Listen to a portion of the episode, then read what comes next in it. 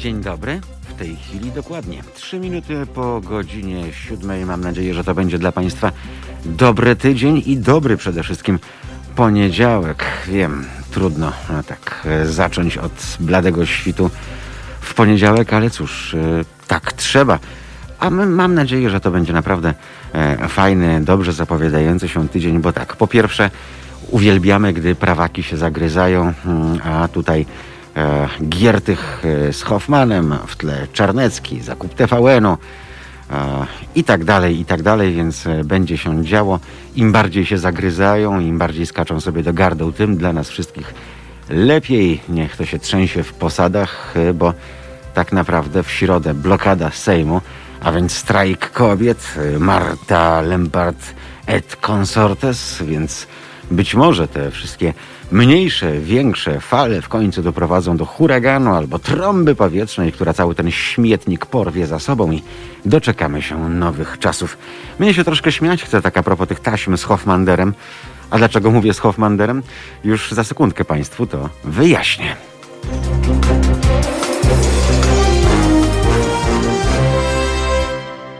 Otóż jakieś tysiąc lat temu, czyli za pierwszej dobrej zmiany, e, mój przyjaciel, pisarz e, niejaki Grossman, opublikował powieść Świniaki. E, no, opowiadała ona od wewnątrz o polskiej scenie politycznej, a ów Grossman wiedział, co pisze, bo właśnie od kulis wszystko to obserwował.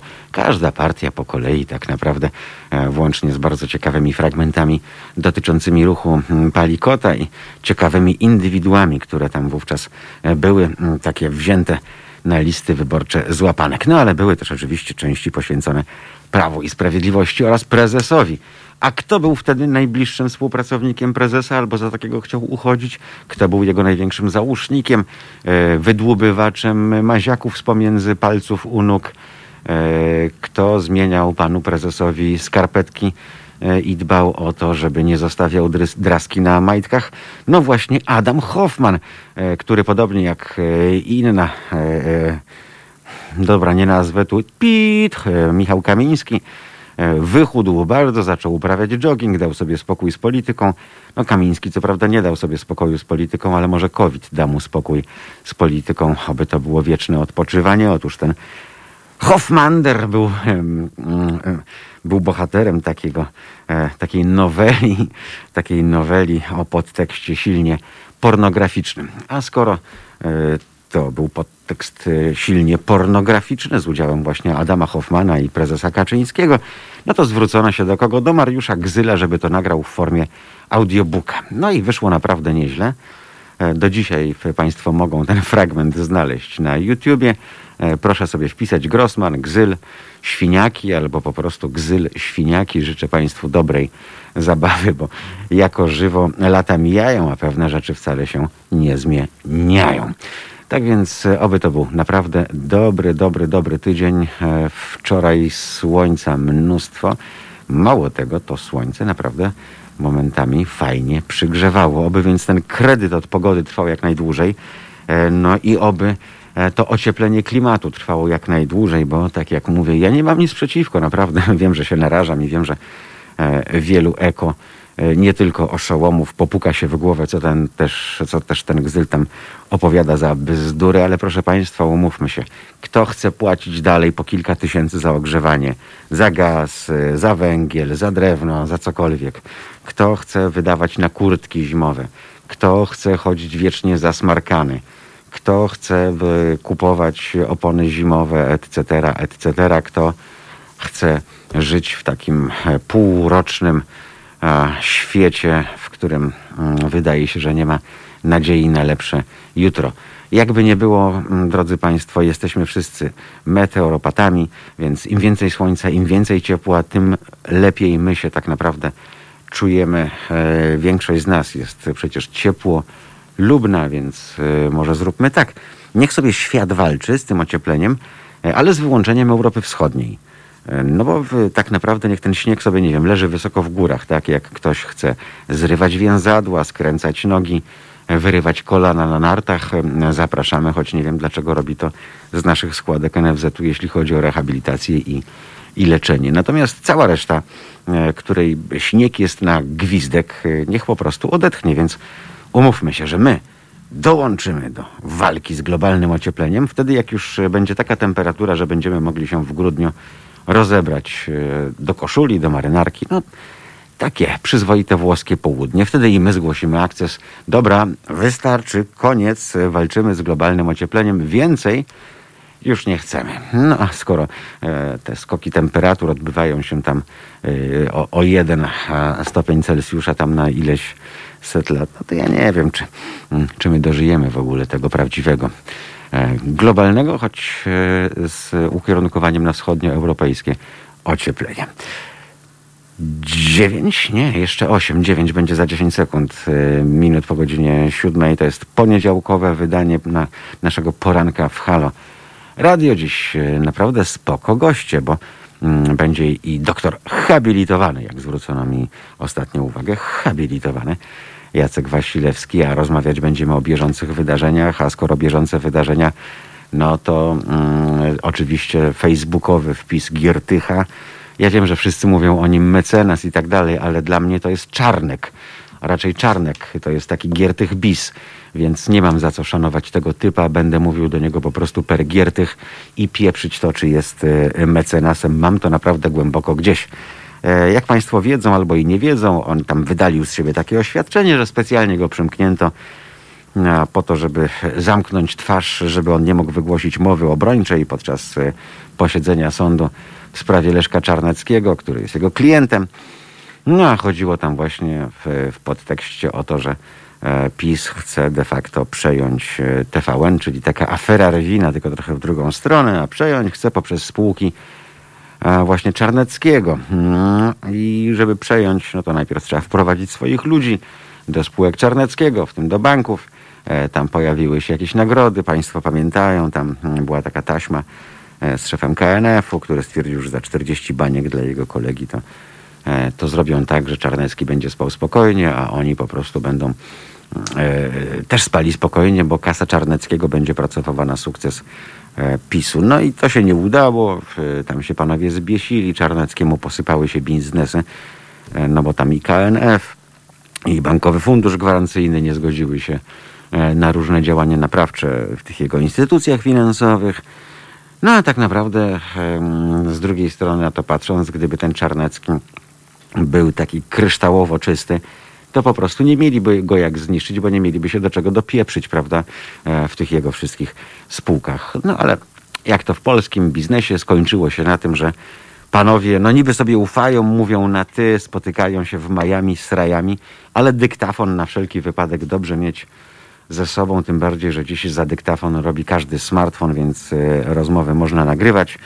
Mnie cieszy jedno, e, że panowie spotkali się w lokalu w Miami, gdzie naprawdę dobrą muzykę puszczali, bo jak państwo słuchali tych taśm, to tam w tle cały czas pobrzmiewa Level 42, więc e, całkiem, całkiem spoko. No dobrze, śmichy, chichy. Mam nadzieję, że wszystko to będzie służyło temu, że ten cały prawicowo zatęchły E, cyrk powoli, powoli, powoli e, będzie zagłębiał się w mule, w mule, z którego już nie wyjdzie, tylko pytanie teraz, e, czy będzie jakaś siła realna, która będzie w stanie się temu wszystkiemu przeciwstawić. I oczywiście nie myślę tu o tak zwanej opozycji, bo jak się mówi o opozycji, to wszystkim Platforma Obywatelska przychodzi do głowy, ale ci panowie, ci państwo już byli, więc mam nadzieję, że gdzieś tam po drodze e, ten popis w całości jako taki po prostu pójdzie w diabły e, i być może e, na kanwie wydarzeń wokół strajku kobiet narodzi się coś nowego, jakaś nowa siła, a słuchy takie chodzą, by właśnie wyłuskać z Platformy Obywatelskiej te młode osoby, którym jeszcze kołtun nie zdążył wyrosnąć, które chciałyby mimo wszystko, patrząc na swoich starszych kolegów z PO, żyć w cywilizowanym kraju, e, chciałyby, e, żeby stosunki państwo-kościół były jasne, czyli żeby jasno i zdecydowanie i raz na zawsze ten kościół od państwa został oddzielony, e, by już żadne prawo szariatu tutaj nie panowało, tak jak w sprawie aborcji chociażby. Do tego dochodzą naprawdę sprawni, młodzi, 20-30-letni działacze razem i w ogóle ugrupowań lewicowych, więc być może jest szansa, że coś się zmieni, chociaż tak naprawdę obudzimy się z hołownią w nocniku, jak znam życie bo duża część społeczeństwa, nie wiem, mm, albo ma Alzheimera, albo stwierdza, że e, e, skoro jesteśmy katolskim państwem, takim talibanem, e, no to niech ten taliban będzie, no bo mm, przecież tylko pod krzyżem, tylko pod tym znakiem, tak, jak to tam dalej było, że ktoś jest tam kimś tam, a Polak Polakiem. Mm, no więc sobie wezmą pewnie niektórzy do serca, że skoro tak, no to już ten Hołownia, przynajmniej katol, ale taki udający nowoczesnego, poza tym wzrusza się łatwo, popłakuje przed kamerami, będzie e, na kogo głosować. E, powiedzmy sobie szczerze, to też nie jest, też nie jest opcja, bo to jest zaprzaniec, to jest człowiek, który, przypomnijmy, ma takie same poglądy jak niejaki Hazan, e, który kiedyś skrobał tonami, mm, a teraz się nawrócił i każe rodzić potworki. Tak więc w skrócie mniej więcej mm, to wygląda. My róbmy swoje, my używajmy tego cudownego urządzenia tutaj centralnie między uszami. Taki orzeszek. On ma takie fałdy, zwoje, e, szara masa, ale mm, w środku różowawa i myślę, że od czasu do czasu się naprawdę przydaje. Mm, tam zachodzą różne procesy e, reflektowania tego umysłu, wyciągania wniosków, a później podejmowania decyzji. I mam nadzieję, że te decyzje u Państwa właśnie będą racjonalne, oparte o, e, o to cudowne urządzenie. Kwadrans po godzinie siódmej, jak już wspomniałem, naszym pierwszym gościem będzie, napisał mi SMS-a, e, spróbujmy, może wstanę, doktor Jacek Wasilewski, a później, a później, drodzy Państwo, będzie czeski film, albo nie, bardziej może komedia Barei. Okazuje się bowiem, że e, naprawdę tam, gdzie kończy się logika, to zaczyna się Polska. E, okazuje się, że te wszystkie kawały Amerykanów o Polakach to jest święta prawda, tak? Typu ilu, ilu Polaków potrzeba do wkręcenia żarówki? No dwóch, bo jeden obraca stołkiem, e, drugi tę żarówkę trzyma e, i i tak jest naprawdę bezpiecznie i zgodnie z normami BHP, gdybyśmy się przyjrzeli, bo okazuje się, że zostawienie Polaków na kwarantannie, na pracy zdalnej, e, w takim pełzającym lockdownie, czyli wszystko to, z czym mieliśmy mniej więcej wiosną do czynienia, to teraz jesienią trzeba zbierać tego plony. No bo co robi Janusz z Grażyną, jak siedzą w domu? No właśnie, a to usiłują żarówkę wkręcić, a to żyrandol przymocować, a to obraz powiesić, a to powiercić jakieś dziury. No i proszę sobie wyobrazić, że statystyki zdumiewają, e, bo jest w tej chwili cała masa urazów powstałych w wyniku wypadków w domu. E, czyli wiertarka naszym największym wrogiem. E, no bo Janusz stwierdza, że już 20 lat tego nie robiłem, przymierzę się ku chwale porządków domowych, bo dawno nic żeśmy nie robili. E, czy to ktoś spada z drabiny, e, czy to pakuje się w innego typu kłopoty. Okazuje się, że więcej urazów jest w tej chwili w wyniku e, tak zwanych prac domowych niż wypadków komunikacyjnych. A ponieważ mówiliśmy Państwu ustami naszych kolejnych ekspertów, doktorów, że odradzamy zawały serca, udary mózgu i wszystkie inne tego typu zdarzenia, bo w trakcie pandemii na karetkę Państwo się nie doczekają, co E, skończy się zgonem w wyniku choroby wieńcowej albo e, udaru e, mózgu, to tak naprawdę trzeba na siebie bardzo, bardzo uważać, prowadzić zdrowy tryb życia, etc. No ale do tego trybu życia teraz trzeba dodać również nagrodę Darwina, którą wielu chciałoby zdobyć. Tak więc jeżeli Państwo sobie na przykład opiłki metalu od jakiejś szlifierki wpakują do oczu, no to prawdopodobnie e, trzeba się będzie pochylić. Teraz jest dużo suchych gałęzi, wystrugać sobie białą laskę. Znaczy z gałęzi wystrugać laskę, a, a potem mm, ją walnąć na, na biało. Może ktoś pomoże, bo już Państwo nie będą tego mogli dostrzec. Okazuje się również, że mm, gdy Państwu coś się zdarzy w domu, czyli Państwo spadną ze stołka, wkręcając żarówkę albo cokolwiek innego, to też wcale nie jest dobrze bo nie każda urazówka ma swoje laboratorium. A skoro tak, to na przykład, jeżeli o rzeczonych oczach mówimy, tam liczą się godziny, tak? I można całkowicie stracić wzrok. Więc biorąc pod uwagę to, że najpierw trzeba wykonać test na COVID, a dopiero potem zostaną Państwo przyjęci na oddział, no to Państwo się domyślają, że tak naprawdę może być już po ptokach. Śmieszne, tragiczne bardzo często, bo pokazuje ułomności systemu w tej chwili, ale to się dzieje. Mm, to nie jest tak, że to są jednostkowe wypadki, tylko tak jak mówię, statystyki pokazują to jasno, nastąpił lawinowy wzrost wypadków domowych we własnych pieleszach. Może więc naprawdę mm, bawmy się w bezpieczny sposób, nie ryzykując. To będzie nasz kolejny gość, będzie nim chirurg, a usłyszymy się o godzinie dziewiątej. Pan doktor prosił właśnie dziewiąta do 9.30, bo wtedy jest między operacjami, stoi przy stole mm, i ratuje tych, którzy właśnie narobili głupot. Więc będzie miał dla nas tylko, tylko czas w tym wymienionym przeze mnie okresie. A na razie a na razie już 19 po 7, jak ktoś musi na 8 wychodzić i ma dosyć daleko, to proponowałby, bym, żeby już pupę w troki brać i ubierać e, i wychodzić. Mam nadzieję, że na smartfonie cały czas podczas drogi nasza aplikacja, aplikacja pozwalająca na mm, bezstresowe podsłuchiwanie anteny. Halo, radio. Gramy, za chwilę kilka wracamy.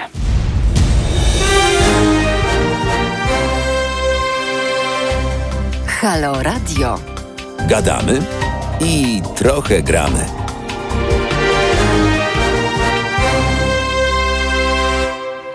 Ile kosztuje nas kościół? No od groma, e, od pyty, za dużo.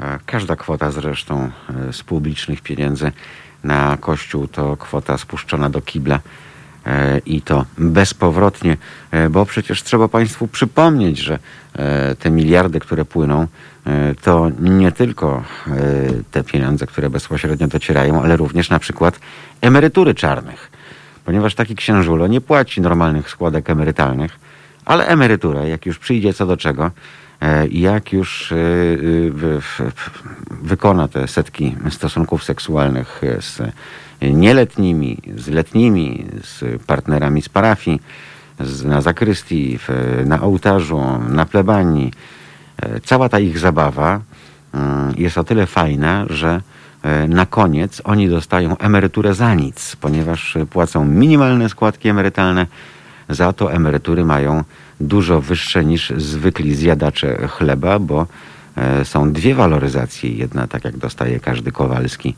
e, i mm, Nowak, a druga to waloryzacja i dopłata zapewniona przez Fundusz Kościelny. Więc naprawdę ponczusie w maśle E, trudno się zresztą dziwić, e, jak e, każdy byłby chyba takim pasożytem, gdyby dostawał kasę z nieba, tę mannę słynną, mm, no i nie musiałby się starać, prawda? Każdy by sobie pomyślał, kurde, tak, auto mam, chałupę mam, kochankę mam i to najbezpieczniejszą na świecie, bo przecież wiedziała, że wiąże się z księdzem, więc ten ksiądz nigdy się z nią nie hajtnie. Nawet jeżeli jej dziecko zrobi, to najwyżej E, dziecko będzie dostawało z funduszu kościelnego takiego specjalnego alimenty, bo taki, taki fundusz e, jest. E, I na koniec jeszcze dostaje tłustą emeryturę. Mm, no to jak człowiek jest taki nażarty, wyspany, nabzykany, to co sobie myśli, to myśli sobie, że piekła nie ma, hulaj dusza, może myśleć o naprawdę późnej starości, co też będzie robił po 65 roku życia. No, a na tych emeryturach y, mogą robić sobie naprawdę, naprawdę wiele, więc y, no, sporo jest y, tych elementów, które składają się na pasożytnictwo tej pseudogrupy zawodowej, tych czarowników, tych szamanów, tych, którzy żyją tak jak sprzedawcy garnków, prawda, za tam kilka tysięcy dla emerytów. Oni żyją w identyczny sposób, bo z bujania naiwnych. Im więcej naiwnych, tym więcej bujania co przekłada się na ich nieopodatkowane, e, czarno e, rynkowe tak naprawdę wpływy, no bo przecież e, takiej tacy żaden ksiądz przy zdrowych zmysłach nie rozlicza, to nie jest nigdzie księgowane, to jest czysta kasa pod stołem podawana na tacy. Tak więc wszystko to sprawia, że powinniśmy się 15 razy zastanowić, to, nie, to znaczy nie my, ci, którzy ten kościół finansują tak na wszelki wypadek, bo przecież wystarczy gdzieś tam na prowincji, w małej mieścinie nie rzucić na te tace, to domyślam się, że, że dyskusje będą długie, dlaczego Zenek e, nic nie rzucił, albo udał, że rzuca, e, albo wrzucił monety zamiast papierka. Wszystko jest możliwe, prawda? Albo, nie wiem, wrzucał 20 i 50 groszówki, ale w taką garścią, żeby sprawiało wrażenie, że to jest dużo monet. I tak dalej, i tak dalej. E, nacisk społeczny, presja, spojrzenie znajomych, e, sąsiadów, rodziny, etc., etc. No, w ten sposób przecież jakby nie było, ci ludzie kupują sobie przyszłe zbawienie, prawda? Mm, no więc nie ma co, nie ma co żałować. A skoro o kościele mowa, no to nie możemy nie wspomnieć, że dziś, proszę Państwa, skoro jest nowy tydzień, to nasza ciężarówka, e, kampanijna ciężarówka e, kursuje już po Białej Podlaskiej. Uprzedzałem Państwa w minionym tygodniu, że z Białego Stoku mm, prosto do Białej Podlaskiej pojedzie, bo na razie na tej ścianie wschodniej będziemy od 16 do 22 listopada w mieście Józefa Oleksego, świętej pamięci już, a potem przeniesiemy się do Lublina, tam od 23 do 29 listopada. Za każdym razem ten sam apel. Proszę wyglądać, proszę patrzeć, e, proszę wyciągać szybko smartfony i fotografować. Bardzo chętnie i z wielką ochotą i przyjemnością zbieramy taką dokumentację fotograficzną. Będzie z tego niezła mm, wystawa, tak, e, tak naprawdę. www.zrzutka.pl ukośnik kampania to informacja dla tych z Państwa, którzy chcieliby trochę do oleju napędowego się dorzucić, e, bylebyśmy nie tankowali mm, u naszych e, narodowych dystrybutorów, bo e, jak wiadomo, Orlen w tej chwili przoduje, jeśli chodzi o poziom cen i jest to szokujące, bo te marże są nawet o 50 groszy większe niż na pozostałych stacjach paliw. Mm, być może no, chodzi o to, żeby faktycznie było za co kupić od y, Niemców y, te dzienniki regionalne. No, jak się robi biznesy, to trzeba mieć trochę gotówki, więc proszę pamiętać, tankując na Orlenie państwo utrzymują wiele ciemnych interesów związanych z działalnością spółek Skarbu Państwa, które są de facto politycznym ramieniem mm, i mają zapewniać przyszłe sukcesy E, tak biznesowe, jak i, jak i polityczne. Tak więc www.zrzutka.pl kośnik kampania, tam e, diesla można napędzić, między innymi. Mm, a jeśli chodzi o nasze e, kampanijne tournée, ile kosztuje nas kościół, to Biała Podlaska od dziś aż do 22 listopada, a potem od 23 do 29 listopada kończymy miesiąc w Lublinie.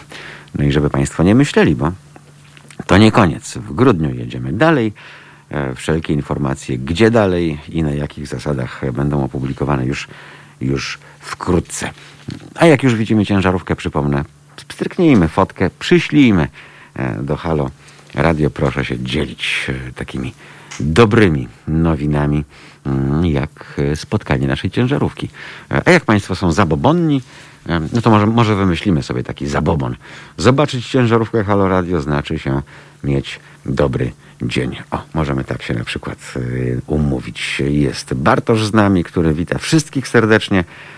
Jest Sugar TT, jest pani Mirosława, jest pan Tadeusz Żajkowski, który melduje już jestem. Pozdrawiam e, wszystkich słuchaczy Halo Radia. E, państwa jest coraz więcej, bo i coraz później nam się robi, chociaż e, to dziwnie brzmi, prawda? E, o godzinie 7.34 robi się coraz później. Na razie to jest jeszcze e, wciąż chora pora, a w dodatku poniedziałek, więc trzeba jakoś ten silnik nasz nagrzać, żeby nam służył dobrze przez, przez resztę tygodnia. Po co siedzisz w maseczce? Pyta o to Pitur. I co ja mam drogiemu Piturowi odpowiedzieć? Po co ja siedzę w maseczce? Hmm. Wstałeś spod lodu, e, byłeś w komie, wróciłeś z kosmosu. No nie wiem. Nie wiem, co mam odpowiedzieć. E, nie wiem, naprawdę. Po co siedzę w maseczce z Feldham? Pan Sławomir nas pozdrawia serdecznie. Mm, U niego oczywiście pogodnie, jak na złość e, i stopni 12, e, więc całkiem, całkiem mm, nieźle jest z nami pani Ewa, jest pani Anna, która pyta, gdzie mogę znaleźć regulamin czatu, bo nie wiem, co mogę napisać. Pani Anno, naprawdę o tej porze to jest trudne pytanie. No, gdzieś musi być taki, taki regulamin.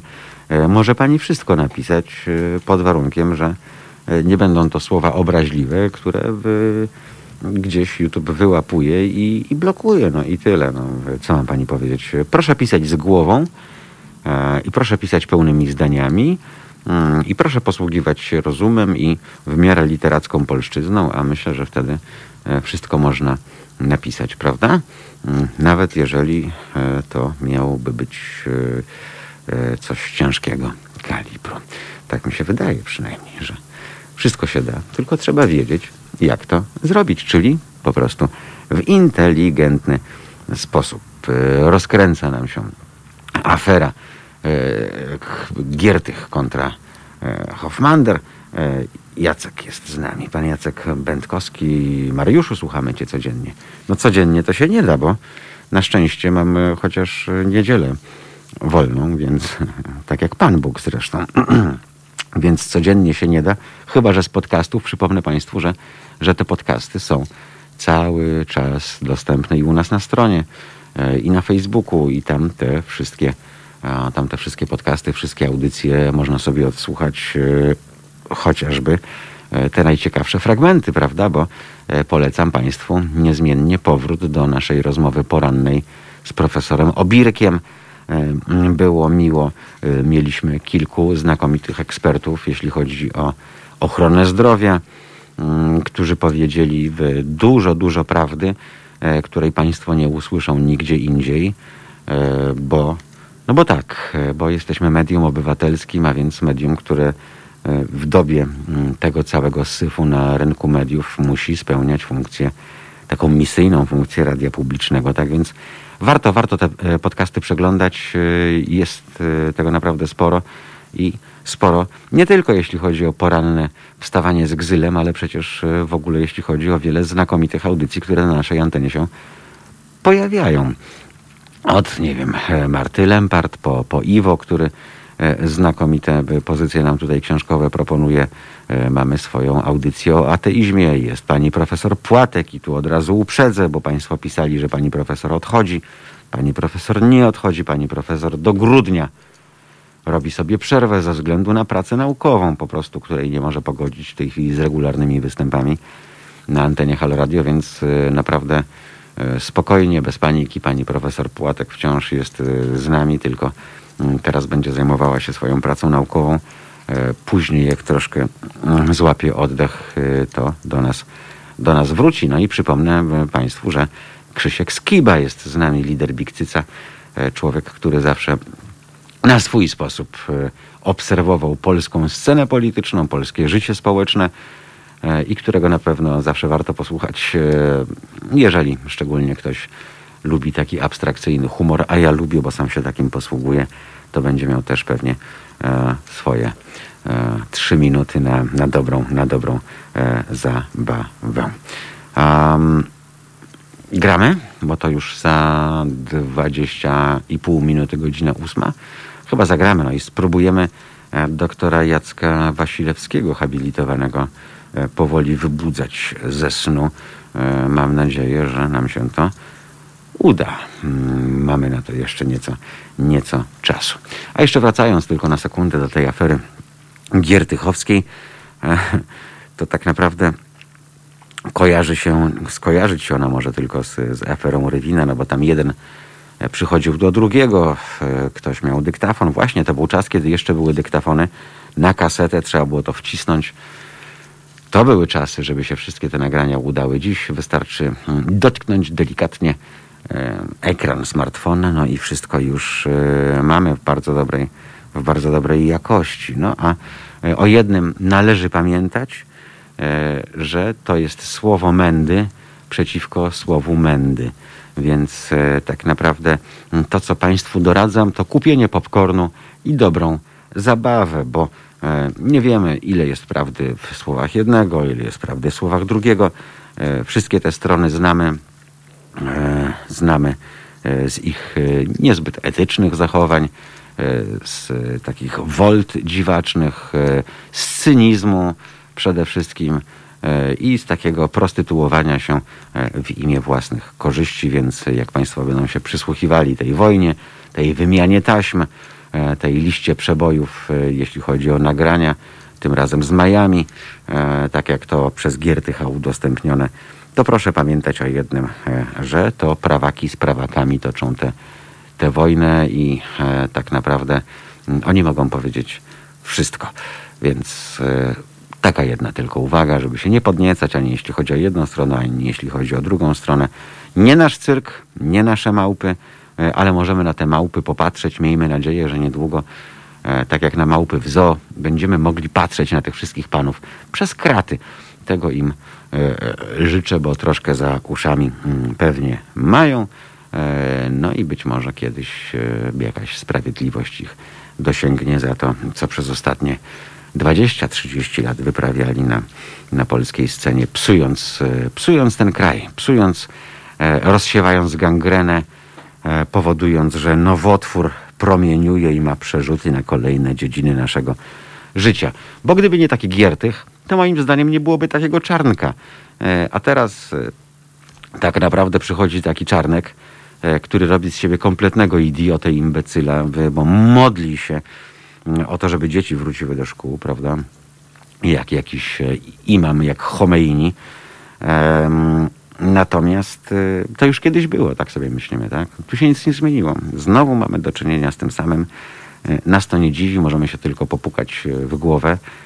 No i chyba poczekać, poczekać aż zwłoki naszych wrogów spłyną, tak jak w chińskim powiedzeniu, czego Państwu i sobie życzę, oby ta fala, która ma te zwłoki porwać, nastąpiła jak najszybciej i żeby to był wartki strumień, e, żeby tam sporo tych trupów politycznych się zmieściło e, i żeby gdzieś w nicość zostali wypluci. Za 17 minut będzie ósma, to jest Halo Radio z Warszawy, z Marszałkowskiej, pod dwójką. E, dziś już chyba mm, większość ludzi stwierdziła, że pełzający lockdown pełzającym lockdownem, mm, no, ale jednak robota czeka, bo no, dziś jest naprawdę, było przynajmniej o tej porannej porze dosyć tłoczna.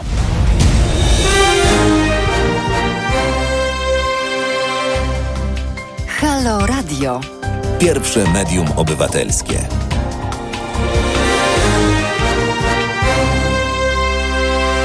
Są z nami kolejni Państwo. Jest Pani Ela, która wita szacowne grono osób. E, jest Pan Jan, który wita ferajne, no, prawie jak z Warszawska. Ferajna. Dobrze, no miejmy nadzieję, że ta ferajna e, będzie z nami aż do godziny dziewiątej i potem też, e, bo przecież dzisiaj też sporo ciekawych pozycji, e, między innymi wspomniany Jerzy Bokłażec, tak, jego audycja o ateizmie, także będzie sprawami społeczno-gospodarczymi zajmował się Jarek Szczepański. Oczywiście od 15 jak co dzień w ciągu tygodnia zaprasza Państwa Mariusz Rokos na, na popołudniówkę i tak dalej, i tak dalej. Joanna Warecha jeszcze przed południem, a więc e, znakomita dziennikarka, reportażystka, e, która e, od podszewki przygląda się życiu polskiej wsi, również tej, która została zdegenerowana przez pomysły mm, różnych cudotwórców w postaci pana profesora Leszka, prawda, który postanowił zamieść PGR-y i wszystkie następstwa, które temu towarzyszyły i towarzyszą tak naprawdę do dzisiaj, gdzie bieda rodzi biedę, gdzie perspektyw nie ma. Ale to już zupełnie, zupełnie inna sprawa. Dziś e, zastanawiamy się, jak bardzo e, afera Giertychowska e, uderzy w rząd, chociaż tak naprawdę, mm, jeżeli za bardzo uderzy, no to ja, przepraszam, nie chcę, żeby nam Giertych tu strajk kobiet przykrył. No. Uratowany został Giertych, jeśli chodzi o E, swój wizerunek, e, czepialstwo, memy e, i wszystko inne, bo właśnie zamknęli go, no to go zamknęli. Tam zbyt wiele osób się tym nie interesowało, bo właśnie już formułował się, tworzył, wybuchał strajk kobiet. Teraz we środę ma być kontynuacja, we środę ma być blokada Sejmu, bo przypomnę Państwu, że przecież właśnie w środę Sejm wznawia swoje obrady, no i też będzie bardzo ciekawie, bo cały czas y, ten kwit, który spłodziła pani Przyłębska, nie został opublikowany.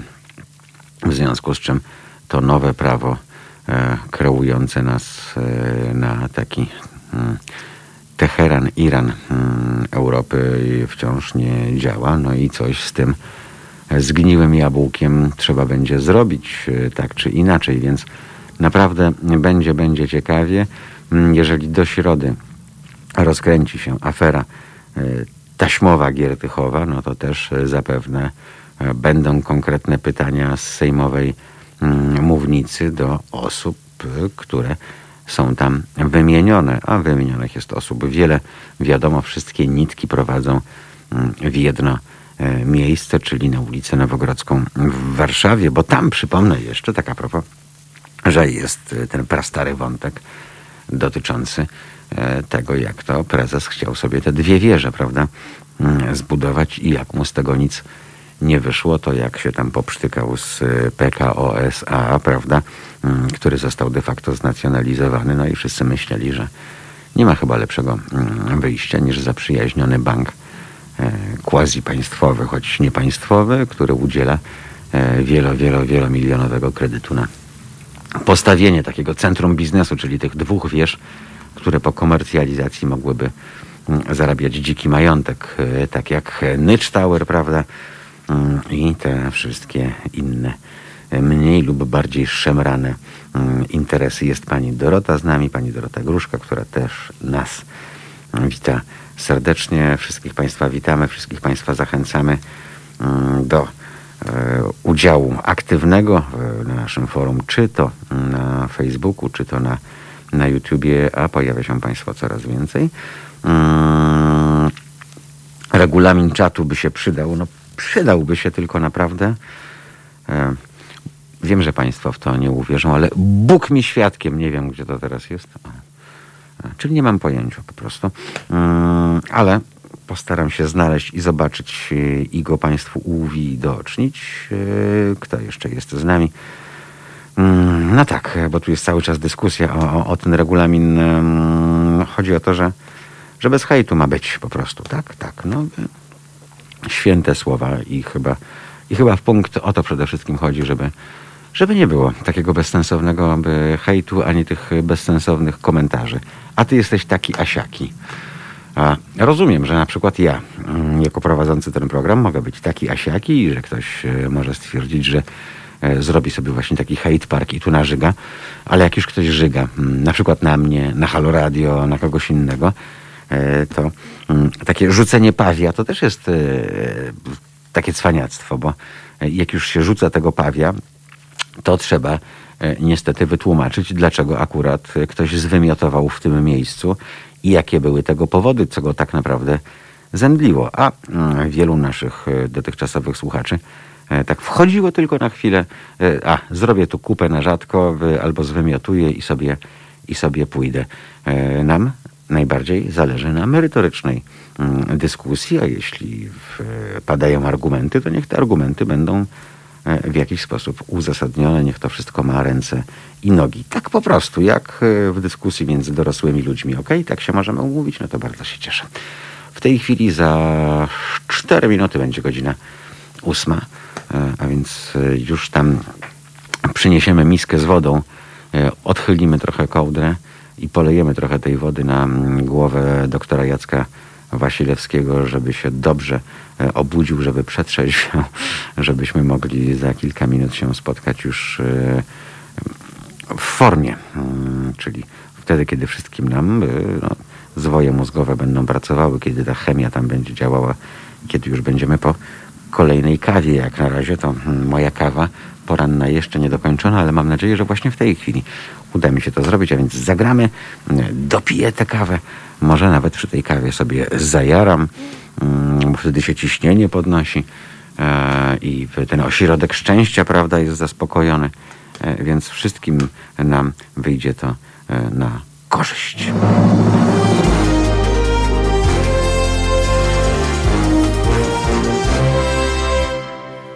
To jest Halo Radio o godzinie 8.07.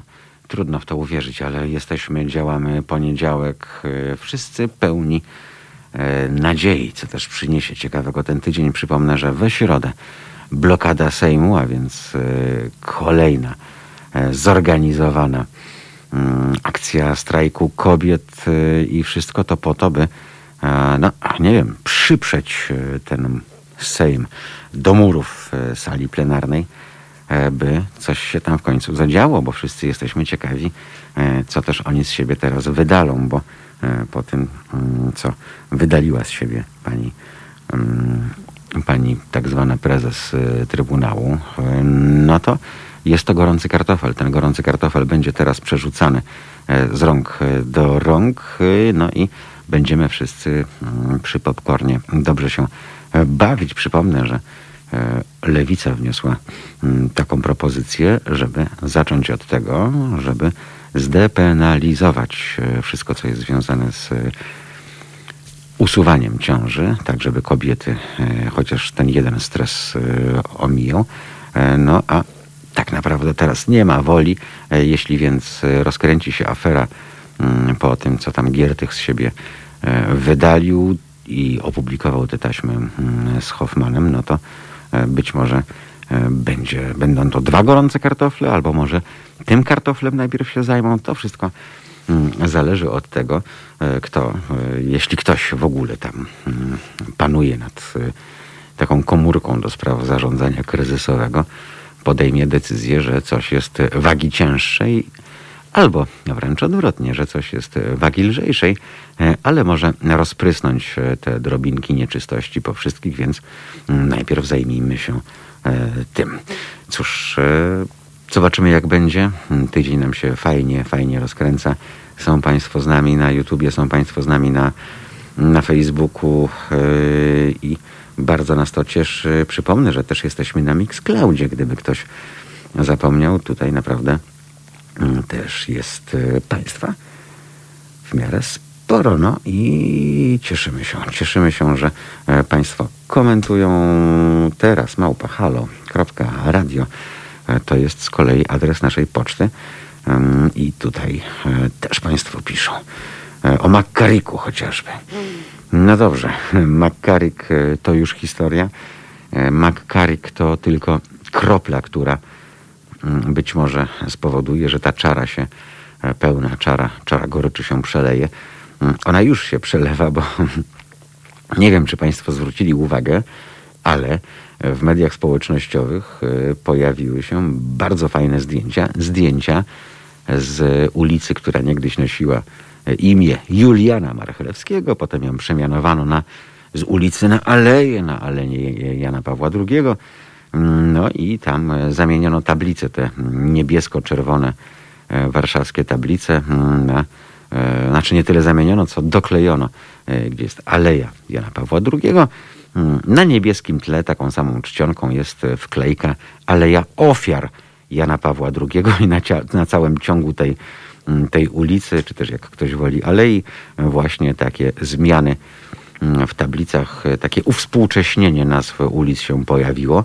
A jakby tego było mało, no to Polak potrafi, jak chce oczywiście, bo E, dostałem sam linki mm, e, do strony, gdzie można sobie taką wklejkę ściągnąć, e, bo o co chodzi?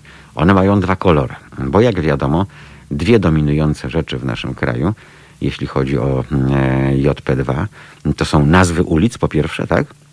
A po drugie szkoły, tak jak było tysiąc szkół na tysiąclecie państwa polskiego, to teraz jest tysiąc szkół mm, imienia Jana Pawła II.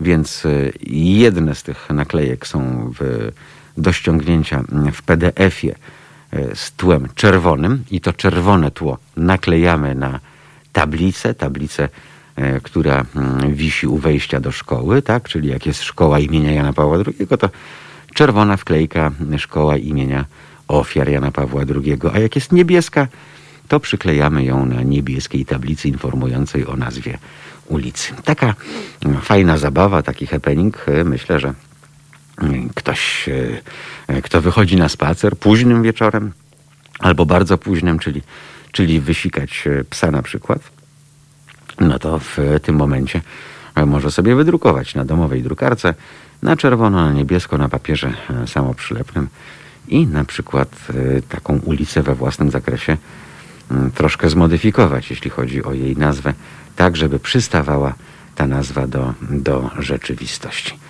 A mm, jeden ze słuchaczy przysyła nam też link y, do e, amerykańskiej prasy. Hmm, tutaj US bishops please suppress the cult of St. John Paul, a więc no, nawet biskupi już proszą, żeby ten kult Jana Pawła mm, ograniczyć, żeby po prostu nie straszyć e, wiernych, bo tak naprawdę chyba o to przede wszystkim chodzi, bo Stany Zjednoczone, mimo tego, że jest to kraj troglodytów, y, no to jednak jest to kraj kapitalistyczny, a w kapitalizmie, jak wiadomo, najważniejsza jest konkurencja, wolny rynek. No więc Kościół katolicki w Stanach też jest taki wolnorynkowy, czyli musi konkurować z dziesiątkami innych kościołów, chociażby ze względu na to, że jest to kraj imigrantów i stworzony przez imigrantów, w związku z czym każdy tam swoje wierzenia, e, swoje czary mary przywoził i każdy, każda grupa etniczna czy też grupa społeczna ma swojego czarownika. E, dla jednych to jest ksiądz w koloradce, dla innych jeszcze ktoś tam inny, inny pastor.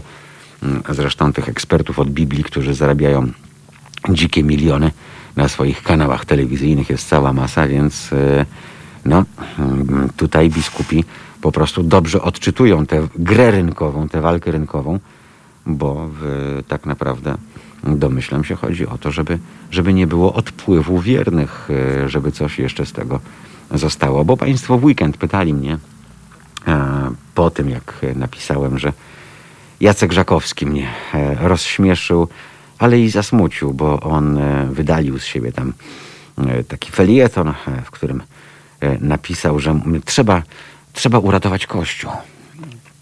No i Przeczytałem raz, przeczytałem drugi raz e, i mówię, no, no nie wierzę, tak, no jestem nieochrzczony, to nie wierzę, e, ale ni mniej, ni więcej Jacek Żakowski postuluje, że ze względu na oddziaływanie społeczne Kościoła katolickiego ten, tę instytucję trzeba by było e, uratować, zasilając ją nowymi urzędnikami, urzędnikami, którzy gdzieś tam są, którzy są normalni, E, którzy nie są jeszcze popsuci, którzy nie przyszli tam tylko dla kariery i pieniędzy, ale również, żeby te czary odprawiać, e, czyli takich, którzy wierzą w to, co robią.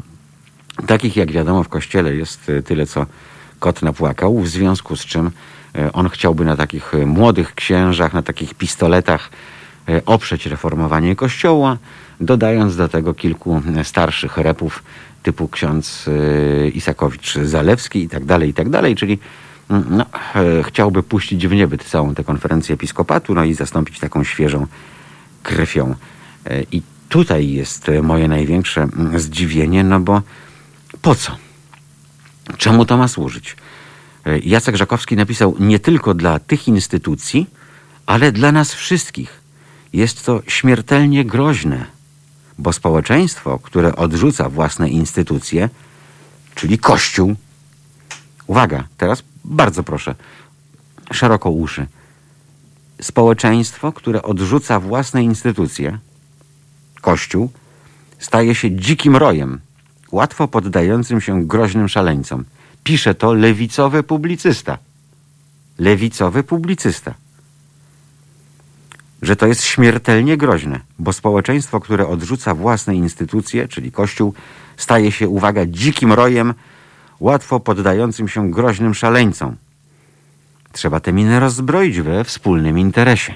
Czyli, jak rozumiem, w interesie niewierzącym jest y, y, Kościół, który nie zajmuje się tylko i wyłącznie odbywaniem y, stosunków seksualnych z nieletnimi i letnimi i gromadzeniem milionowych majątków. Trzeba tę minę rozbroić we wspólnym interesie, ale kto ma to zrobić, gdy instytucje stworzyły sobie bardzo sztywną kulturę krycia swoich i siebie nawzajem? Tu z kolei chodzi o to, że rządzący bez względu na to, czy są z PO, czy z PiSu, czy z popisu, e, czy z dawnego tego kawiorowego SLD i tak ręka w rękę, czy z PSL-u, e, będą czarnych kryli, e, no bo ręka rękę myje, jak to jak to w Polsce. E, Powtórzę Państwu, gdyby ktoś e, uznał, że jest zbyt zaspany i tego dobrze nie zrozumiał.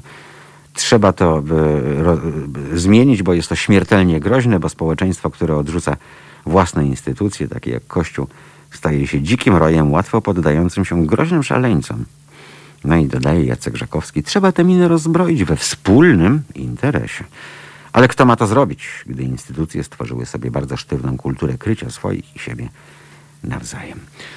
Więc Państwo mnie pytali, no ale, ale jak to? No bo ja napisałem po prostu, że, że myli się Jacek Żakowski, bo tej hydrze trzeba po prostu odciąć łeb, dopóki jest taka szansa. Raz, a skutecznie, żeby ten łeb nigdy nie odrósł, bo skończy się tym samym.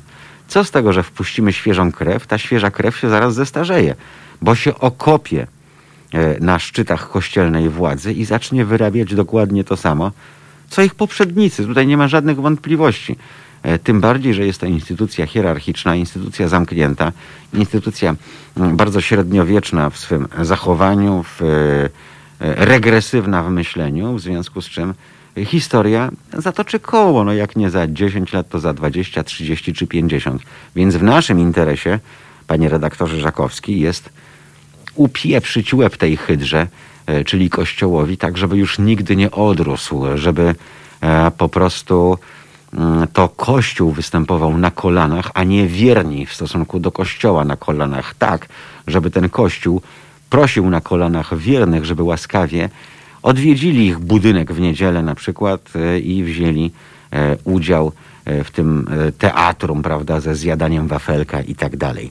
Mm, a na Państwa pytanie, no tak, no ale, no no ale faktycznie no, no Żakowski ma rację, bo przecież trzeba wypełnić jakoś tę pustkę.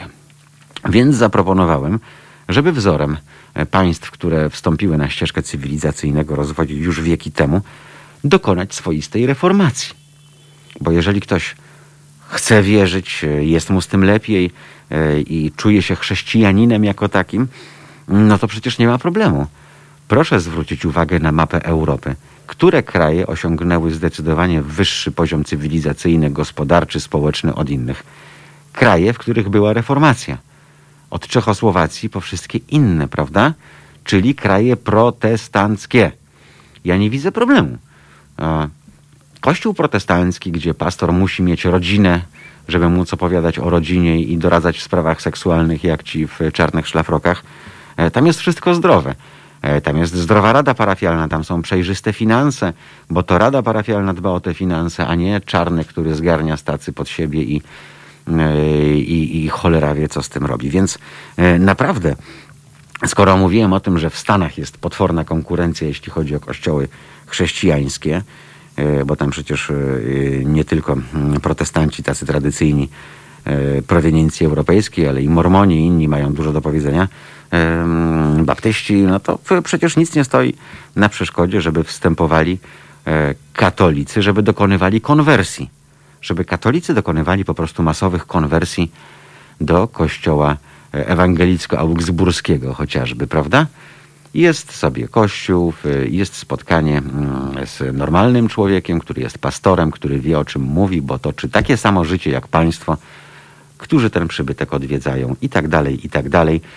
A najważniejsze, tam nie ma bałwochwalstwa, bo Pismo Święte tego zakazuje. Wiadomo, że e, Kościół katolicki traktuje Pismo Święte e, tak jak Włosi i czerwone światło, prawda, że to tylko sugestia.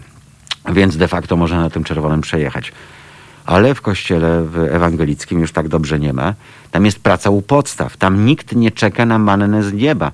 Tam od małego uczy się e, pracy, e, tam e, uczy się tego, by być przyzwoitym człowiekiem.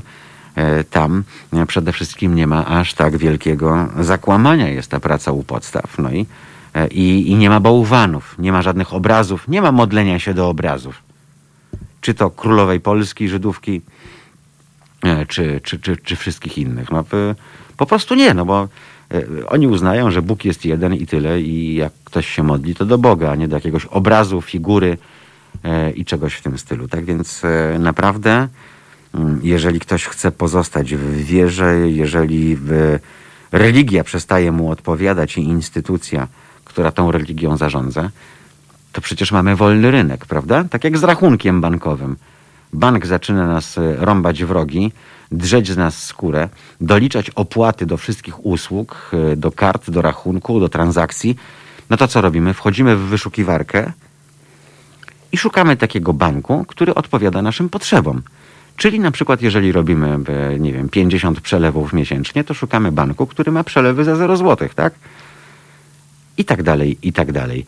E, więc naprawdę mm, wystarczy dobry research i można sobie z tym poradzić. E, I e, to, że komuś się nie podoba KK, ale dalej wierzy, to nie znaczy, że ma się od wspólnoty tak zwanej, prawda? Od wspólnoty wiernych odwracać. Mało tego, taka wspólnota w kościele protestanckim jest o wiele bardziej zintegrowana, o wiele bardziej zżyta, bo ta wspólnota żyje życiem wspólnoty, więc tam oferuje się wiernym, którzy na przykład popadają w takie czy inne kłopoty, e, szczerą i bezinteresowną pomoc ze strony innych wiernych, bo na tym e, ta ich religia między innymi polega. Tak więc e, naprawdę e, można wiele, e, byleby to miało zdrowe zasady, zdrowe podstawy, e, a nie zgniłe e, e, wraz z grzechem pierworodnym, który oni sobie e, wymyślili, jak e, to wygląda w kościele katolickim. E, Tak więc e, skoro mamy wolny rynek, mamy wolność wyboru, to proszę wybierać. E, Nikt Państwu nie odmawia potrzeby wierzenia w cuda, ale mm, to też może mieć zdrowe podstawy, czego Państwu oczywiście życzę. Dzwoniliśmy do Jacka, doktora habilitowanego. Mm, No i taki był w, trochę te śpiochy z, z oczu powydłubywał. Rozumiem, że teraz dokonuje ablucji i powiedział, że jak już będzie gotów, to on do nas wtedy e, zadzwoni miejmy nadzieję, że to nastąpi przed dziewiątą, bo o dziewiątej mamy pana doktora. Pana doktora przesunąć nie możemy o tyle, że pan doktor jest pomiędzy jedną a drugą operacją i będzie miał dla nas 30 minut od 9 do 9.30. Wszystko w, w rękach Jacka. E, My sobie teraz zagramy, bo to już 25 minut po godzinie 8 e, i e, po tej chwili refleksji do Państwa wracamy.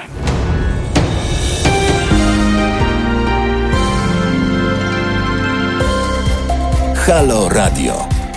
Pierwsze medium obywatelskie.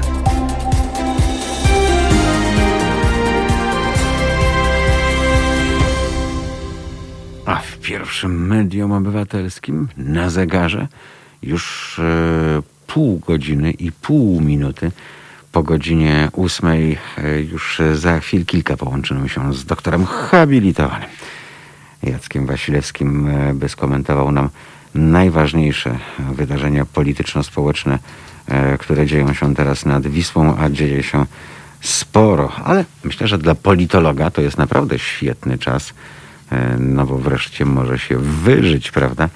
E, Nie ograniczać tylko do obcowania mm, ze swoimi studentami, którym mm, różne rzeczy do głów stara się e, wbijać. To jest właśnie ten moment, kiedy, e, kiedy politolog e, no, jest na najwyższych obrotach. Doktor habilitowany Jacek Wasilewski. Jacku, dzień dobry, witam cię serdecznie. Dzień dobry, dzień dobry. Weekend e, przyniosło e, oświadczenie Romana Giertycha, e, oświadczenie wy- wydane na Facebooku, jak tłumaczył, nie może w inny sposób zwrócić się do publiczności ze względu na to, że ma zakaz wykonywania zawodu, a chciałby opisać okoliczności, które są jego zdaniem bardzo istotne, jak i dlaczego w ogóle został zawinięty, zatrzymany i o co tak naprawdę chodziło, czyli odniósł się do tych oficjalnych zarzutów, a nieoficjalnie e, stwierdza, że bezpieka szukała przede wszystkim taśm, taśm, których fragmenty e, mamy do odsłuchania e, już teraz nie tylko na stronie u Romana Giertycha, ale i we wszystkich mainstreamowych mediach, na portalach internetowych i tak dalej. Tak śmiać mi się trochę chce, bo kiedyś pamiętamy aferę Rywina, kto do kogo przyszedł i w jakiej sprawie. E, Tyle, że wtedy trzeba było używać takich mechanicznych, analogowych dyktafonów na kasety albo na mikrokasety. Dzisiaj każdy ma przy sobie smartfon, nawet siedząc w Miami. E, To, co cieszy, to, że level 42 leci w tle, więc miło się tego mm, e, słucha. E, Czasy się zmieniają, ale mechanizmy tworzenia i łączenia polityki z biznesem w Polsce zmianom nie ulegają, czyli drogi Jacku, to jest dalej ten e, południowoamerykański, bananowy, dziki kapitalizm, bo to troszkę w sytuacji jak w Partii Ludowej w Meksyku, prawda?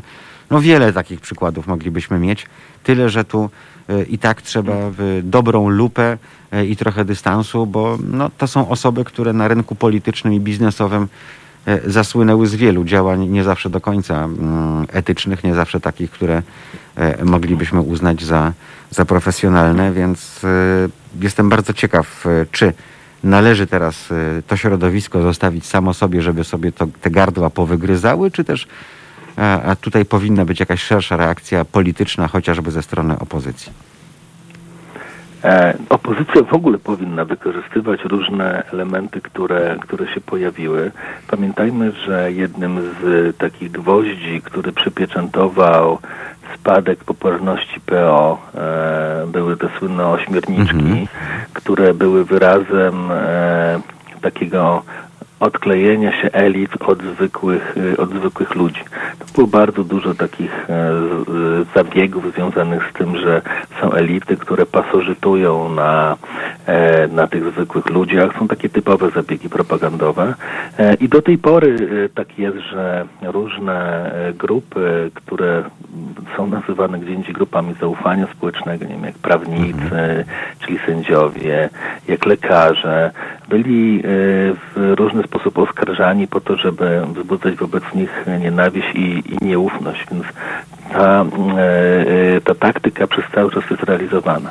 No w tym wypadku e, ja rze- rzeczywiście mam wrażenie, że oglądamy jakiś dziwny, dziwny film o praktykach mafijnego zarządzania, bo to jest tak, że jak kogoś już się przyprze do muru, no to później można mu składać rozmaite propozycje nie do odrzucenia, tak, bo pamiętajmy, że tak, e, Czarnecki jest za granicą i właściwie nie wraca do Polski.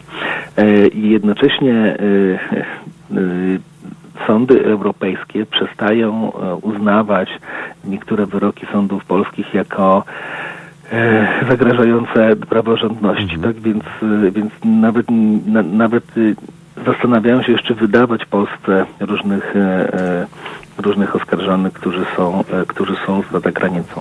Mamy, jest- stoimy w obliczu utraty e, wielu miliardów euro, e, dokładnie 155, E, z tego powodu, że rząd jakby nie chce nie chce być praworządny w rozumieniu europejskim. No i to i ta, i ta niechęć do tej, do tej praworządności, no bardzo dobrze tutaj że tak powiem, wychodzi na jaw, po co ona jest i dlaczego, i dlaczego tak bardzo jest y, PiSowi na rękę. Y, y, Ja od razu, od razu można przeczytać sobie mm, to, co e, drugi rozmówca e, Leszka Czarneckiego, Adam Hoffman, jako jeden z partnerów e, firmy konsultingowej napisał. Otóż on napisał, że mm, jest, jest doradcą firm Czarneckiego, jego rodziny, członków rodziny również i że tym doradcą jest od wielu miesięcy i że to Leszek Czarnecki sam prosił o, e, o doradztwo personalne. No więc pytanie jest takie, dlaczego, dlaczego e, Leszek Czarnecki paktował tutaj z firmą e, R&S? No bo zgłosił się po ochronę, Jacku. No Zgłosił no więc się po ochronę, no- bo no wiedział, że to jest właśnie- były spin doktor PiSu po słynnym No wystąpieniu w Hiszpanii, prawda? Y, tak, tak, tak, odsunięty tak. No więc, no więc, no, więc, tutaj, y, więc tutaj mamy do czynienia z takimi praktykami mafijnymi, także zgłaszam się po ochronę, no nie, ale jednocześnie jak za bardzo mnie tutaj dociskają, to pokazuje, że ta Mhm. ochrona była, była, że tak powiem, e, macką, e, macką współczesnej, obecnej, e, obecnej władzy. Tak więc, e, tak jak powiedziałeś, no to Jedni są... e, warci drugich, moglibyśmy powiedzieć, tak? tak, tak, no ale z drugiej strony e, trudno, patrząc na to, co się dzieje w naszym porządku prawnym, typu dwie wieże, przesłuchania, e, przesłuchania naszego e, członka rodziny e, Kaczyńskich, e, Austriaka, e, e, który również powiedział, że do Polski nie, nie będzie wracał i że, e, i że te przesłuchania tutaj, e, tutaj nic nie dały, no to można powiedzieć, że to szukanie ochrony jest jedyną, e, jedyną e, strategią, która może się w tym wypadku wydawać skuteczna. Tak, i to jest chyba najbardziej przerażające. Tak, że, mm, że to jest taki znak dla przedsiębiorców, że, y, że, jeżeli, że jeżeli nie za wiele możemy osiągnąć w sądzie, bo te sądy są powoli czyszczone i, e, i może być to ręczne sterowanie, ręczne sterowanie różnymi Jacek, no, sprawami. jak Przed- mawiali klasycy, prawda, Pawlak z Kargulem, sądy sądami, ale sprawiedliwość musi być po naszej stronie. No właśnie jeszcze, y, jeszcze tak do końca nie jest, no bo, y, bo tutaj Wojewódzki Sąd Administracyjny na przykład wydał, e, wydał orzeczenie, które mówi o tym, że że Morawiecki przekroczył e, swoje uprawnienia em, w sprawie, w sprawie zlecenia e, przygotowania wyborów w Poczcie Polskiej, co bardzo jest śmieszne, no bo Morawiecki powiedział, że to nie było zlecenie przygotowania wyborów, tylko to było czynności zmierzające do przygotowania Tak. wyborów, więc to, e, e, to, to, jest, to jest bardzo zabawne. Ale wracając jeszcze do, e, jeszcze do, e, do sprawy właśnie Hoffmana. Jeżeli sobie popatrzymy, że ta e, firma Hoffmana jest umieszczona na 21 miejscu e, różnych e, mm, firm, które mają największy wpływ na, e, na gospodarkę, no to można powiedzieć, że to jest bardzo, bardzo zły znak bo mm, do tej pory y, wie, wiele tak zwanych wyborców PiSu bardziej światłych, czyli nie tych, którzy mówią, że dostają 500 plus, tylko tych, którzy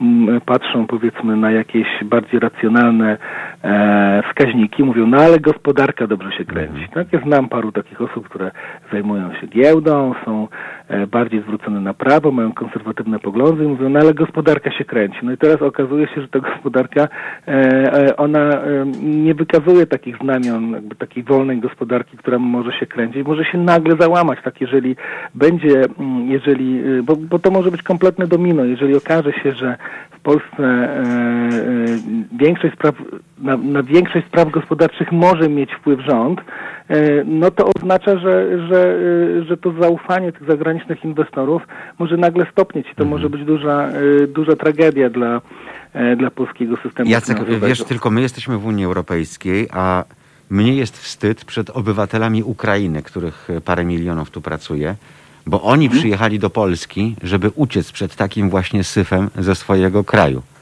gdzie są oligarchowie, gdzie rząd e, ręka w rękę załatwia biznesy i to od e, urzędników rządowych przychylności zależy to, czy twój interes się powiedzie, czy też zostanie na przykład, tak jak tutaj jest to opisywane, przejęty jeden do jednego, do widzenia. I to już nie jest twój biznes. A, więc e, już nawet nie trzeba, wiesz, wpisywać na Netflixie hasła kino hiszpańskojęzyczne, żeby No, zobaczyć. Ja bym nie powiedział, że to jest przejęcie, ja bym powiedział, że to jest e, rodzaj franchise, Mhm. e, tak, jakiegoś takiego podporządkowania się, czyli rób to, co my ci, e, to, co my ci mówimy, a będzie dobrze. No, e, bardzo dziwna jest sprawa z tym, z tym tak zwanym Budapesztem w Warszawie, ponieważ wiemy, że wiemy, że PiS bardzo chce, chce zrobić Budapeszt w Warszawie, a w, e, a w No, Budapeszcie... Orlen, który miałby przejąć e, dzienniki regionalne, prawda? tak, no bo to Mhm. jest, bo to jest powtarzanie tego węgierskiego scenariusza. W, na Węgrzech powstało e, parę fundacji i podmiotów związanych z, mm, z Orbanem, e, z rządem em, e, węgierskim, który powoli zaczął przejmować różne niezależne Mhm. media i można powiedzieć, że tam jest e, taki e, powrót do PRL-u, czyli istnieją różne, różne Mhm. WRL-u, do WRL-u. No to była Węgierska Republika Ludowa. Tak, no jakiegoś takiego, e, e, takiego systemu, który, który sprawia, że jedynym niezależnym e, e, medium został portal internetowy, który również jest atakowany. Tak, i teraz, i teraz te niezależne media brużą trochę PiSowi, w związku z tym te próby podejścia do kupna TVN-u i t- tudzież innych gazet i tym sposobem ich uciszenia są jak najbardziej zrozumiałe. Ale to jest bardzo trudne, ponieważ, e, ponieważ TVN mają Amerykanie, tak, czyli Discovery i w Ameryce nagle e, ten nasz główny przyjaciel, czyli Donald Trump, który rozumiał e, tego typu mafijne zagrywki, no on znikł. Tak, więc przejęcie TVN-u będzie teraz bardzo, bardzo trudne przy, yy, przy, nowym, yy, przy nowym prezydencie. No i tutaj szukanie tego słupa, który mógłby to, mógłby to kupić i przejąć, no było, było, było zrozumiałe, zwłaszcza w tym momencie, kiedy jeszcze wydawało się, że Trump może wygrać. No dobrze, tylko w tej sytuacji mamy do czynienia z taką aferą, która ma pokazać te mechanizmy w, konkret, w przypadku konkretnej osoby, prawda? I tak zamieszanej w aferę Getback, e, co też będzie gdzieś tam e, tym rosnącym wrzodem wcześniej czy później, bo niemożliwe, żeby nie. E, I nie mówię tu już o takiej czysto politycznym zleceniu. Natomiast to może być wierzchołek góry lodowej, bo na przykład wiemy, jak Piotr Jacques Wel, Zygmunt Solosz poukładał się z pisem, prawda? Gdzieś tam dostali swoje ciastka, gdzieś tam e, jest e, taka realna współpraca. Mm, e, Czyli No jak ktoś przypadku- pu- pójdzie na współpracę, bądź dalej miliarderem i dalej czego się nie dotkniesz, to się zamieni w złoto. E, i masz nasze ciche przyzwolenie, e, ale takich biznesów, e, nie tylko medialnych przecież w naszym kraju jest cała masa. I pytanie tylko, e, w ilu przypadkach to wszystko w, dzieje się w, podobnym sznytem. Jeżeli się nie ułożysz z władzą, pamiętamy Józefa Wojciechowskiego, który w swojej firmie budującej by mm, gargamele w Warszawie, takie by bloki, które się do niczego nie nadają, a do mieszkania najbardziej, e, no to on zatrudniał wszystkich poszczególnych ministrów budownictwa, prawda? Żeby mieć święty spokój, bo wiadomo było, że tamci ludzie odchodzili z resortów, ale swoje kontakty i przyjaźnie zachowywali. Więc No. e, jeżeli tak ma wyglądać polski kapitalizm, e, to naprawdę to jest, nie wiem, Wenezuela, Boliwia, Argentyna, e, ktoś tam, ktoś tam. No, wydaje się, że, że, ten, że ten nasz kapitalizm tych warunkach, które są, czyli w takich zacieśniających się warunkach prawnych, gdzie my nie możemy być pewni tego, y, w jaki sposób y, no, nasza sprawa zostanie rozpatrzona w sądzie, albo możemy być coraz bardziej pewni wyniku, chyba to chyba jest, y, jest y, m, głównym problemem, no to, to te warunki do tego, do, do tego zmierzają, albo przynajmniej strategie zaczynają wydawać się takie najbardziej skuteczne. I chyba to jest jedna z najbardziej przykrych rzeczy. No. Tylko, że Pols, y, Zygmunt Solosz-Żak nigdy nie miał jakichś takich ambicji związanych z wolnością słowa albo z krytykowaniem kogokolwiek. On chce po prostu robić biznesy, których ma dużo, bo przecież ma i kopalnie, odkrywkowe, Elektrownie, te. elektrowni. No w każdym razie dużo ma, ma bardzo zdywersyfikowany portfel. W przypadku TVN-u jakby te, y, ta podniesienie tego sztandaru e, e, wolności słowa, ono tam jest bardzo istotne, tak więc, y, więc y, dlatego trudno się, mm, trudno się tam e, z tą, z tą stacją ułożyć. Ona jest bardzo, bardzo zdecydowanie na nie. Polsat się zachowuje się jak taki centrysta tutaj. No więc, e, dlatego- tutaj niby coś skrytykuje, ale zaraz coś przyklepie, więc To, to tak, jest... niewiele się różni od y, y, tak zwanych publicznych mediów w tej chwili. No, y, jeśli chodzi o właśnie sytuowanie się po stronie konfliktu, chociaż no, przyznajmy, No. tego typu media nie powinny się sytuować po żadnej stronie, ale to już jest i, i insza, insza teraz. Tak, i teraz, i, i teraz tak powiedziałeś o jednej bardzo istotnej rzeczy, że jest ci trochę wstyd. E, patrząc na to, e, patrząc na to no, tak z punktu widzenia e, e, Ameryki, no to w dużej mierze Donald Trump e, sprzyjał takiej, sprzyjał takiej sytuacji i, e, i rozumiał No bo sam działania. postępował No bo- podobnie przecież. bo sam postępował podobnie. Teraz jeżeli, jeżeli, jeżeli sobie popatrzymy na to, w jaki sposób prawa strona przez cały czas oskarżała tą stronę, stronę przeciwną, czyli opozycyjną o różne działania, to zauważmy, że tam jest taka obsesja służb, nie? że wszędzie służby e, były widziane, że wszędzie są widziane jakieś takie, mm, takie powiązania. I jak ja, e, jak ja tego słuchałem przez ostatnie 15 lat, tak od y, 2005 roku, to, mm, to jakby mm, to jest tak, że wszędzie widzimy, wszędzie widzą służby te osoby, które, które w ten sposób działają albo które mają takie marzenie działania. Tak. Tak, więc y, jeżeli sobie, y, jeżeli sobie przypomnimy, że, e, że prokurator, który e, Jędruszek bodajże, który czytał te wszystkie zarzuty e, mm, wobec, wobec Giertycha, no musiałby rzeczywiście w dwa miesiące przeczytać ile tam było, że w dwa miesiące musiał, musiałby przeczytać parę tysięcy, czy tam parę tysięcy stron, no to to jest kompletnie niemożliwe. Tak więc jeżeli, e, jeżeli w sądzie byli agenci CBA w, w sali poniżej razem z aktami, no to, mm, no to zaczyna być no, te, te wszystkie oskarżenia, które formułował wcześniej PiS dotyczące y, grania służbami, no to to jest jakby takie oskarżenia z tego świata. Tak? Czyli my zwykle oskarżamy innych o to, co sami, e, e, co sami robimy. Tak, Tak, ale mało tego, jeszcze, jeszcze, jeszcze, jeszcze, bo mówisz o tym obserwowaniu od, nie wiem, 2005 roku. Przypomnijmy, że w każdym wypadku, kiedy e, praca bezpieki wychodziła na jaw, e, to e, każda kolejna ekipa e, zamiatała to pod dywan, bo żadna kolejna ekipa nie chciała być przez następców rozliczana. No jak było w przypadku pana Kamińskiego, kiedy zabrakło kworum, bo posłowie PO wyszli z sali, prawda? Tak. Wtedy, kiedy sprawa stanęła na ostrzu noża i można go było pociągnąć do odpowiedzialności przed odpowiednią instytucją. No, e, więc znowu e, społeczeństwo ma ten obraz, że ręka rękę myje i, i po prostu e, dla nich to jest popis, tak? Bo wiadomo, że ci są lepiej ubrani, ci mają inne zegarki, może mniej łupieżu na marynarkach, prawda? I teraz, I teraz pytanie jest takie, czy to, że, czy rzeczywiście będzie tutaj ja- jakieś tąpnięcie. Mhm. Tutaj mam e, bardzo duże wątpliwości. Z tego powodu, że jeżeli mamy bardzo silne napięcie związane, e, napięcie emocjonalne związane z, e, z polityką, to robi się taki, taki dziwny mechanizm rozumienia przekazów. Czyli e, ja to badałem na przykładzie takich prostych zdań, gdzie mówił, gdzie przypisywaliśmy daną wypowiedź jednemu politykowi albo drugiemu politykowi po, po przeciwnych stronach. I w zależności od tego, czy mieliśmy jakiś, jakąś sympatię do danego polityka, no to albo się tym zgadzali, albo się z tym respondenci zgadzali, chętnie by się pod tym podpisali, albo kompletnie się nie zgadzali i uważali, że to jest, że to są jakieś bzdury. I myśmy podczas tego badania obserwowali emocje.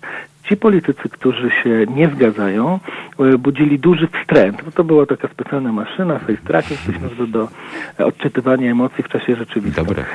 I ci, mm, e, ci e, moment, kiedy czytaliśmy coś o polityku, z którym się nie zgadzamy, no to był taki, e, to najpierw rósł bardzo, bardzo wstręt.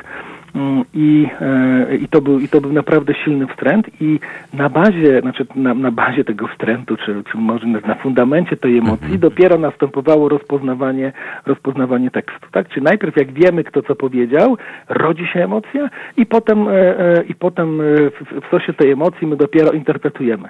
W, w momencie, kiedy byli to politycy, z którymi się zgadzamy, no to te emocje były niskie i, i było takie, takie racjonalne e, przepracowanie No i domyślam się, że nawet jak jest fuck up, czyli coś, czego ten odbiorca by nie chciał usłyszeć z ust tego właśnie polityka, to był rozgrzeszany, prawda? Tak, E, tak, e, tak, właśnie o to chodzi. I, i, dlatego, ta, I dlatego te silne emocje Mhm. powodują, że my trochę inaczej rozumiemy to, co e, inaczej rozumiemy to, co słyszymy. E, I, y, I można powiedzieć, jak mówi ten ktoś inny, Mhm. to mu mniej wierzymy. No nie, albo w ogóle mu nie wierzymy, albo traktujemy to jako atak. Czyli i- i cokolwiek to- by nie to powiedział, to i tak I to nic jest bardzo Mhm.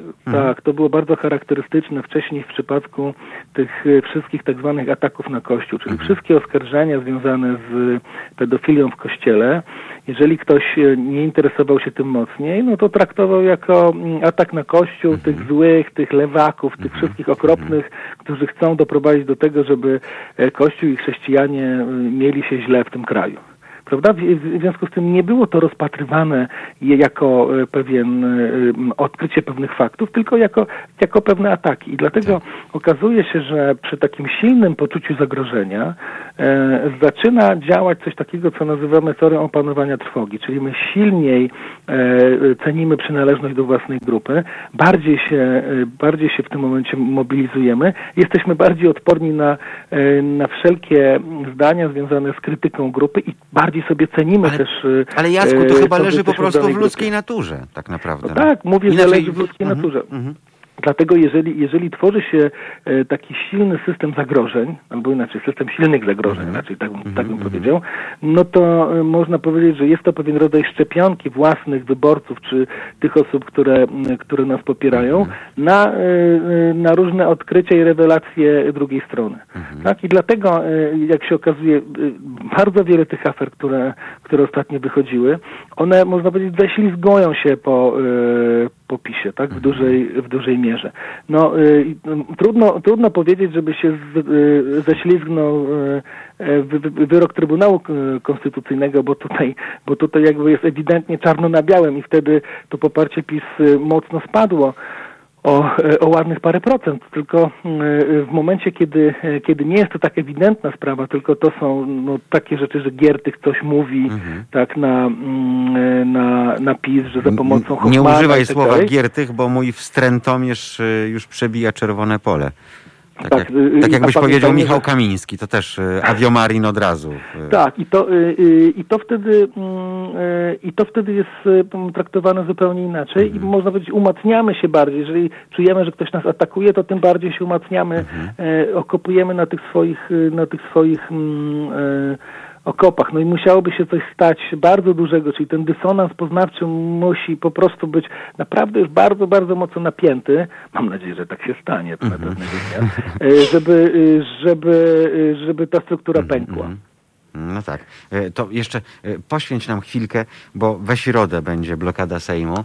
E, To jest teraz naprawdę e, rozgrzany do czerwoności kartofel. To, no nie, to nawet nie jest kartofel, e, bo ten by zjedli Białorusini z przyjemnością. Natomiast e, to jest rozżarzona bryła węgla, która będzie teraz przerzucana w parlamencie. W środę Sejm wznawia obrady. Taktycznie przerwano je na dwa tygodnie.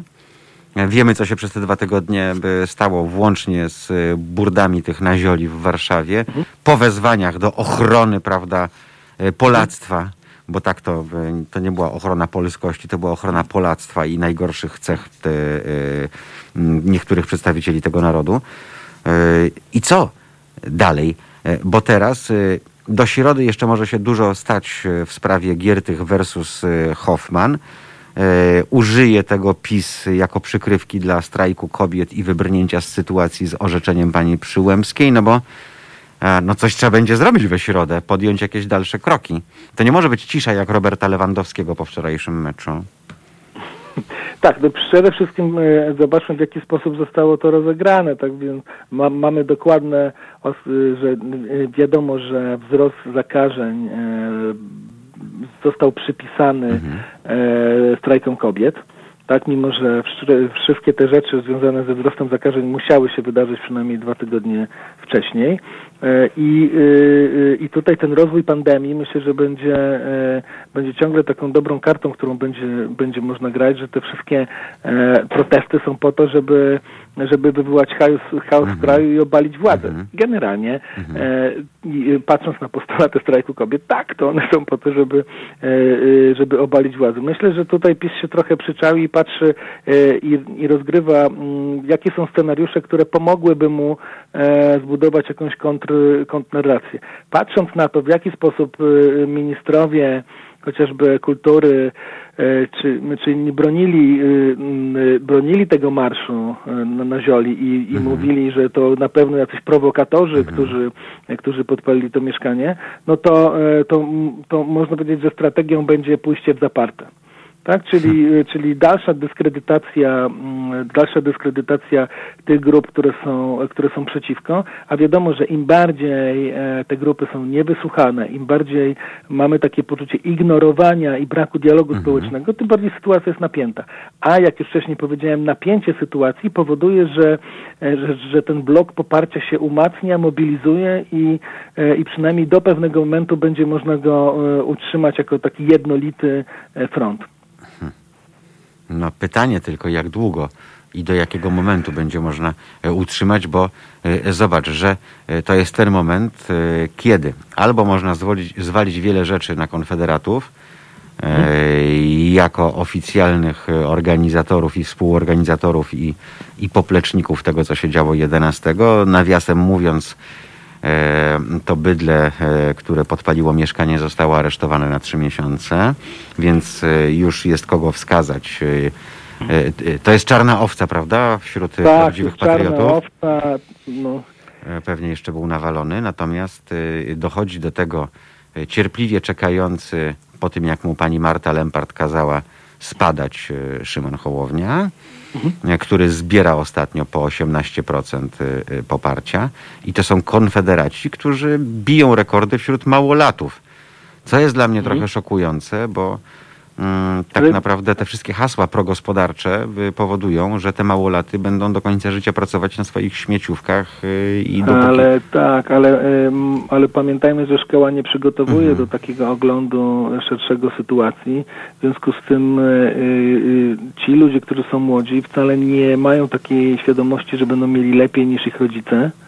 Tak, i oni mają Mhm. też taką świadomość, że e, praca, która ich czeka, nie jest jakąś e, dobrą pracą i patrząc na ceny mieszkań, e, nie mogą, z trudem mogą sobie wyobrazić, że będą w stanie zarobić na jakieś mieszkanie. Pamiętajmy, Mhm. że u nas jest bardzo duży procent gniazdowników, czyli młodych mieszkających z rodzicami. Tak. Taki, tak, tak duży procent jest tylko w Rumunii, jeżeli chodzi o kraje Wow. europejskie. Myślałem, że Więc, Włosi e, zawsze żyją do 40 roku Włosi, ale oni też trochę z, z innych powodów żyją z No mamą- tak, bo wydają na tutaj- garnitury i Alfy Romeo, tak. a Mhm. tutaj, a tutaj mamy, mamy po prostu mało mieszkań i, Mhm. i te mieszkania są bardzo, bardzo drogie w porównaniu z, z, z pensjami Polaków. No mało E, tego, i- nie i ma tak- mieszkań komunalnych, tak jak w Europie Zachodniej, gdzie naprawdę Tak. nie, ma, nie ma takiego parcia na własność, no po prostu, I bo... patrząc, I patrząc na to, e, e, co, jaką mamy, na czym te Mhm. osoby mogą się skoncentrować, no to one mogą się skoncentrować właśnie na tym, którzy dają im jakieś poczucie dumy.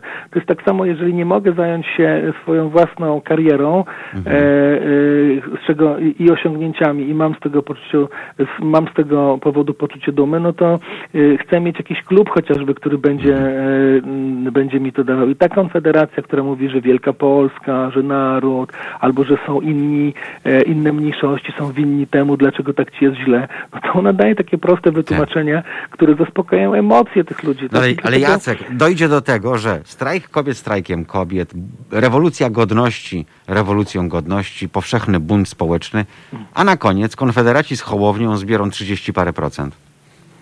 E, Jeżeli Hołownia zbierze e, 20%, no to znaczy, że e, skądś będzie musiał to Hmm. wziąć i weźmie to e, z PiS. No więc, ale o tym mówię, że właśnie te małolaty, No. o których mówisz, zamienią sobie PiS na Mhm. konfederację z Hołownią, bo część o brunatnych podniebieniach pójdzie za konfederacją, część Mhm. pójdzie za Hołownią, ale e, e, o, o, obydwa te podmioty mają tak zwane liberalne podejście gospodarcze, tak? E, Mhm. W związku z czym to będzie odpowiadało w odpowiednim przekazie w mediach społecznościowych, bo umówmy się, to jak dobrą robotę spece od PR-u i social mediów wykonali, to jest właśnie odzwierciedlenie sukcesu Hołowni i Konfederacji, nic więcej. Bo ci ludzie pojedynczo, sami w sobie tak zwani liderzy, nie mają nic do powiedzenia. No, wydaje mi się, że Hołownia ma jednak coś do powiedzenia.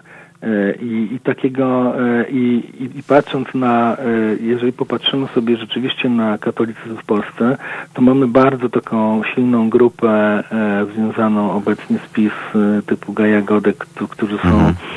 radykalnie nastawieni, tak? I to jest... No nie zapominaj, że Hołownia uznał się za syna by profesora Hazana, że się zgadza z nim, no więc... Ale tak, i właśnie o to chodzi. I, i, druga, I druga część to jest, to są bardziej liberalni katolicy, Mhm. którzy, k- e, dla których Ho- Hołownia jest dobrą opcją w tym sensie, że on może mieć jako katolik e, pewne poglądy silne, ale jednocześnie Mhm. mówi o tym, że to są jego poglądy i zachowuje je Mhm, dla siebie, mhm. natomiast e, w sprawach politycznych tak nie, nie, nie Mhm. będzie ich forsował. I to, I to jest takie wyjście dla Mhm. współczesnego katolika, Mhm. który, który mówi, dobrze, ja też uważam, że, i tutaj mamy Mhm. różne kwestie związane z, z tak zwanym e, mniej lub bardziej radykalnym e, e, podejściem do katolicyzmu, czyli antykoncepcja jest zła. No więc właśnie, czyli to będzie kolejne konserwowanie tego katolicyzmu ludycznego, Jacku. No Czyli tak, tak, jestem tylko- tylko katolikiem, mówię- wyznaję, ale to nie znaczy, że kondoma nie założę, tak, bo nie chcę mieć Tak, dziesiątki tylko- dzieci, no. Tylko pamiętajmy, Mhm. pamiętajmy trochę, trochę to jak z tego sketchu Monty Pythona. Mhm. Dokładnie o tych tak, tak. Ale, e, ale pamiętajmy, że w roku chyba 2016 e, Kaczyński zapowiedział to, że, Mhm. e, że będzie dążył do tego, żeby, żeby ten mm, zapis dotyczący aborcji przesuwać bardziej w stronę Ach, konserwatywną. a to nie było zamiatanie pod dywan po, po ówczesnym czarnym proteście, bo coś musiał z siebie wydalić. Musiał zaspokoić obydwie strony. Z jednej strony przestraszył się Znaczy, bardzo tego wystąpienia, ale z drugiej swoim też musiał powiedzieć, słuchajcie, na razie to odłóżmy, bo nie ma klimatu. Moim zdaniem to w, tym kierunku było. E, To było chowane, e, zamiatane pod dywan, chowane do szuflady na takie święte nigdy, bo pamiętamy przecież, że e, doszło do skandalicznej sytuacji, kiedy te projekty społeczne, między innymi tej, tej, tej pani Oszołomki, prawda, Godek trafiły, ale trafił też projekt Ratujmy Kobiety i wtedy Platforma Obywatelska nie zagłosowała, mimo że nawet Macierewicz z Kaczyńskim głosowali za przyjęciem lewicowego projektu do dalszych prac. No, y, dlatego, dlatego, że, dlatego, dlaczego Platforma nie zagłosowała? No bo ona sama jest centroprawicową Tak partią, jest. konserwatywną. Tak jest. E, y, I umieszczanie jej w opozycji do PiS wynika tylko z takiego populistycznego, Tak binarnego spojrzenia. Tak Więc, jest. więc my mamy bardzo mocny w Polsce taki, można powiedzieć, y, taką konserwatywną gorączkę. Tak? I A teraz ja patrząc na- nazywam ich patrząc- popisem tak czy inaczej, bez względu na to, no co jedna tak, i druga patrząc, strona. i patrząc na, mm, patrząc na to pokolenie młodych, Mhm. to ono jest już zupełnie inne, bo jest Mhm. wychowane Mhm. na innych, e, innych przekazach, e, bardziej sieciowych. Jak wiemy, e, telewizja dotyczy głównie grupy starszej, powyżej Tak, dla grzybów, 35 dokładnie, roku tak. życia. Mhm. Natomiast zaufanie do telewizji czy innych takich mediów, nazwijmy to starych mediów, Mhm. ono jest bardzo niskie wśród młodych i też e, ba, bardzo rzadko e, ba, bardzo rzadko używane, więc ci młodzi są inni. No i teraz patrząc na, na, ten, e, na te słynne badania związane Mhm. z rozziewem, że młode kobiety, że więcej młodych kobiet głosuje na lewicę, Mhm. a więcej młodych mężczyzn głosuje na, na konfederację, no to też mamy jakiś bardzo dziwny Mhm. rozdźwięk pomiędzy, pomiędzy taką, takimi aspiracjami młodych kobiet, a możliwościami młodych mężczyzn. Tak.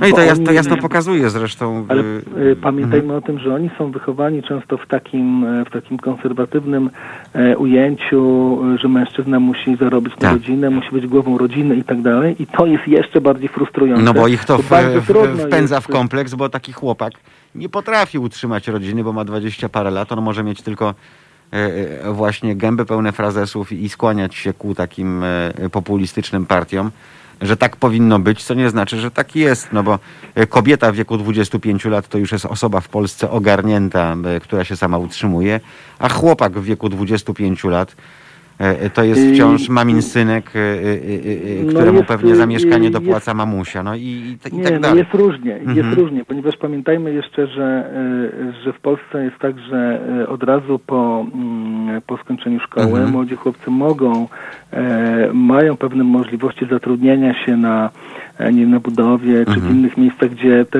zarobki są wcale, wcale nie małe, Mhm. więc jest, jest y, grupa osób, która w miarę szybko mm, y, y, No ale pytanie, ilu z nich chciałoby być fizolami? No. No właśnie nie. I teraz jeżeli nie chcą być fizolami, no to mają, e, e, ma, mają duży problem. Mamy, mamy pewne zapóźnienie w Mm. stosunku do Europy Zachodniej e, i, i jeżeli chodzi o, o taką kwestię sprawiedliwości wynagrodzeń, Mhm. czyli w jaki sposób, mm, jaka jest luka pomiędzy, Mhm, mhm. pomiędzy takimi typowymi zarobkami, Tak. czyli tam chyba e, dominanta to jest e, 2000 z kawałkiem na rękę, no. 2200 gdzieś tam. mhm. Tak, więc, więc, więc, y, więc w porównaniu z, z tym, ile zarabiają szefowie, ile zarabiają Tak. zwykli pracownicy, No jest polaryzacja jest, duża. polaryzacja jest e, prawie taka jak w Stanach Zjednoczonych jest największa No. w Europie i, i tutaj naprawdę jesteśmy zgniłym No właśnie, rodzynkiem na tym, na tym, na tym patrząc, torcie. I patrząc na Mhm. to, no to trudno się dziwić, że te nasze zachowania e, i i ten nasz sposób Mhm. uprawiania polityki jest trochę podobny do, e, do Stanów Zjednoczonych, Mhm. tylko że w Stanach Zjednoczonych są bardzo mocne inne instytucje. Mhm. Natomiast u nas te instytucje, nie wiem, jak sądy, wymiar sprawiedliwości, e, instytucje typu Rzecznik Praw Obywatelskich, Mhm. Rzecznik Praw Dziecka, Mhm. e, e, państwowe inspekcje, one są bardzo, bardzo mocno osłabiane za, za PiS. No i Mhm. teraz nie wiem, co zrobi Morawiecki, któremu Wojewódzki Sąd Administracyjny powiedział, że jednak, że jednak jest problem z tymi, z tymi, z tymi wyborami e, pocztowymi. No. Wydaje, wydaje mi się, że coś trzeba będzie Do, zrobić. z doradzam sądem, no. Jacku słuchaczom. Kupujcie popcorn, siadajcie i oglądajcie. To będzie naprawdę niezła rozrywka. E, I to będzie rozrywka wielowątkowa. E, gorąca jesień, no i ciekawa zima, pełzający lockdown, więc ty, tym bardziej będziemy to teatrum sobie obserwować. Doktor habilitowany Jacek Wasilewski, bardzo Ci Jacku dziękuję za, za teraz i za dziś. E, Do usłyszenia mam nadzieję niebawem. I z nami jest już kolejny zapowiadany e, gość, e, pan doktor Radosław Różycki z kliniki Orbita. Panie doktorze, dzień dobry. Dzień dobry, witam. Pan doktor jest e, chirurgiem, okulistą i pan doktor, e, przyznam szczerze, w rozmowie, gdy umawialiśmy się e, na dziś, e, trochę mnie zszokował, a nawet bardziej niż trochę, bo jak się okazuje, e, najwięcej wypadków w tej chwili nie dzieje się na drogach e, i konsekwencji w wyniku tych wypadków, czyli obrażeń, które e, Polacy odnoszą, e, tylko w domowych pieleszach. E, jak się okazuje, to jest konsekwencja lockdownu, konsekwencja zamknięcia w domach, konsekwencja tego, że państwo bardzo często siedzą w domach, nie wychodzą, no a jak już siedzą, to się nudzą, a jak się nudzą, to chcą coś z tym domem i w tym domu zrobić. No i jak się okazuje, bywamy gorsi od od dzieci, bo to jak ma się takie dzieci w, w wieku kilku lat zaledwie, to jest głowa, do, oczy dookoła głowy i pilnujemy. A to, żeby się dziecko wrzątkiem nie oblało, a to, żeby nie włożyło dwóch gwoździ, gwoździ do kontaktu, prawda, żeby nie sprawdziło, jak to działa i tak dalej, i tak dalej.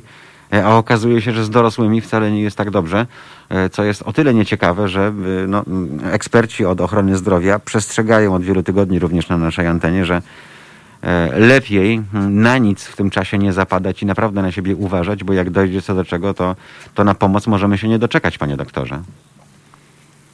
Może nie jest aż tak źle, natomiast to prawda jest, że no, korzystanie teraz z pomocy służby zdrowia jest troszkę utrudnione. Jest to związane z różnymi procedurami w różnych jednostkach, no między innymi z koniecznością w przypadku, gdzie jest potrzebny zabieg operacyjny, czy położenie do szpitala, wykonanie testu, to wydłuża czas e, czasami w sposób istotny. No i dlatego, tak jak pan redaktor wspomniał, żebyśmy uważali na siebie w tym okresie, no i nie brali się za czynności, do których e, no, nie mamy predyspozycji, mhm. doświadczenia, no bo obserwujemy na ostrych dyżurach, że te urazy no, są częste i czasami groźne. No ale panie doktorze, no ambicja, macho, e, gospodarz domu, żona, partnerka, no, Stasiu, zrobiłbyś coś, bo ta goła żarówka na drucie wisi, odkąd się wprowadziliśmy, a przecież mamy żyrandol. E, no i wtedy pan Stasio czy inny Janusz mówi, co, co ja nie potrafię, bo aha, jeszcze jest szantaż, bo wezwę fachowca. No to e, wtedy, no to no, wtedy wiadomo, że to jest ostatnie słowo do draki, no to wtedy ten e, domownik wchodzi na stołek i usiłuje zamontować ten żyrandol. I można się śmiać lub nie, ale wtedy dochodzi do tragedii. To, e, to prawda, natomiast e, drodzy słuchacze, wszystko można, tylko zachowujmy też e, pewne środki ostrożności, taką profilaktykę. Jak pokazują statystyki, 90% oczu, które trzeba było operować, uniknęłyby tego, mhm. tej sytuacji, gdyby mieć okulary ochronne. Mhm. I tutaj no, te wszystkie opiłki w czasie wiercenia, w czasie jakichś y, szlifowania, tak. no, mhm. czy, czy no, wykonywania takich czynności, gdzie no, bez wzroku ich się nie da wykonać, a są dosyć precyzyjne, czyli związane z jakąś siłą, z mhm. użyciem młotka, mhm. no to musimy się liczyć z tym, że no, takie y, opiłki, takie drobiny z dużą siłą lecą w kierunku twarzy, no i mogą uszkodzić, czy przedziurawić gałkę oczną, no i mamy y, kłopot gotowy. Mhm. No, mój masażysta miał wypadek jako nastolatek, e, stracił wzrok e, w wyniku otwierania butelki z szampanem Sylwestra. Można się z tego śmiać, ale tragedia wielka, bo, bo chłopak stracił najpierw wzrok w jednym oku, potem w drugim. E, ten proces następował stopniowo. Natomiast, panie doktorze, z oczami nie ma żartów, bo jak się domyślam, dzisiaj, jeżeli coś nam się stanie, to ta pomoc okulistyczna E, czyli nie wiem, ostry dyżur i tak dalej, to nie jest takie hop że przywożą, trafia ktoś na stół, lekarz się nim zajmuje, tylko tak jak pan doktor wspomniał, najpierw trzeba testy zrobić, tak, żeby zrobić cokolwiek innego. A no, tutaj chyba czas odgrywa, odgrywa olbrzymią rolę. E, to prawda, natomiast e, no tu różne szpitale mają różne algorytmy przyjmowania do mhm. szpitala. Natomiast w Wojskowym Instytucie Medycyny Lotniczej, którym kieruję, no mamy tutaj e, konieczność wykonania testów. Mamy blok mhm. centralny, więc nie jest tylko dla okulistyki, więc wprowadzając pacjenta potencjalnie pozytywnego, no jakby eliminujemy e, no, mhm. ewentualne ryzyko e, wykluczenia tego bloku mhm. jakby działalności całego Instytutu. No stąd te środki ostrożności, żeby mieć pewność, że inni pacjenci, którzy również wymagają interwencji chirurgicznych, laryngologicznych czy innych, no będą bezpieczni na bloku operacyjnym. No stąd ta ostrożność. Mhm. To nie jest e, utrudnienie, no tylko takie mamy czasy. No, musimy e, walczyć z tą pandemią wszelkimi możliwymi środkami. Natomiast no, nie mamy tylko choroby COVID-19. Mhm. No, tak jak e, wszyscy wiemy, ulegamy różnym kontuzjom, obrażeniom. To nie zawsze musi być bardzo duży problem z gałką oczną, czy e, kwestia konieczności wykonania zabiegu, ale są ciała obce, otarcia, e, urazy takie związane z e, uderzeniem się w oko, Mhm. tak?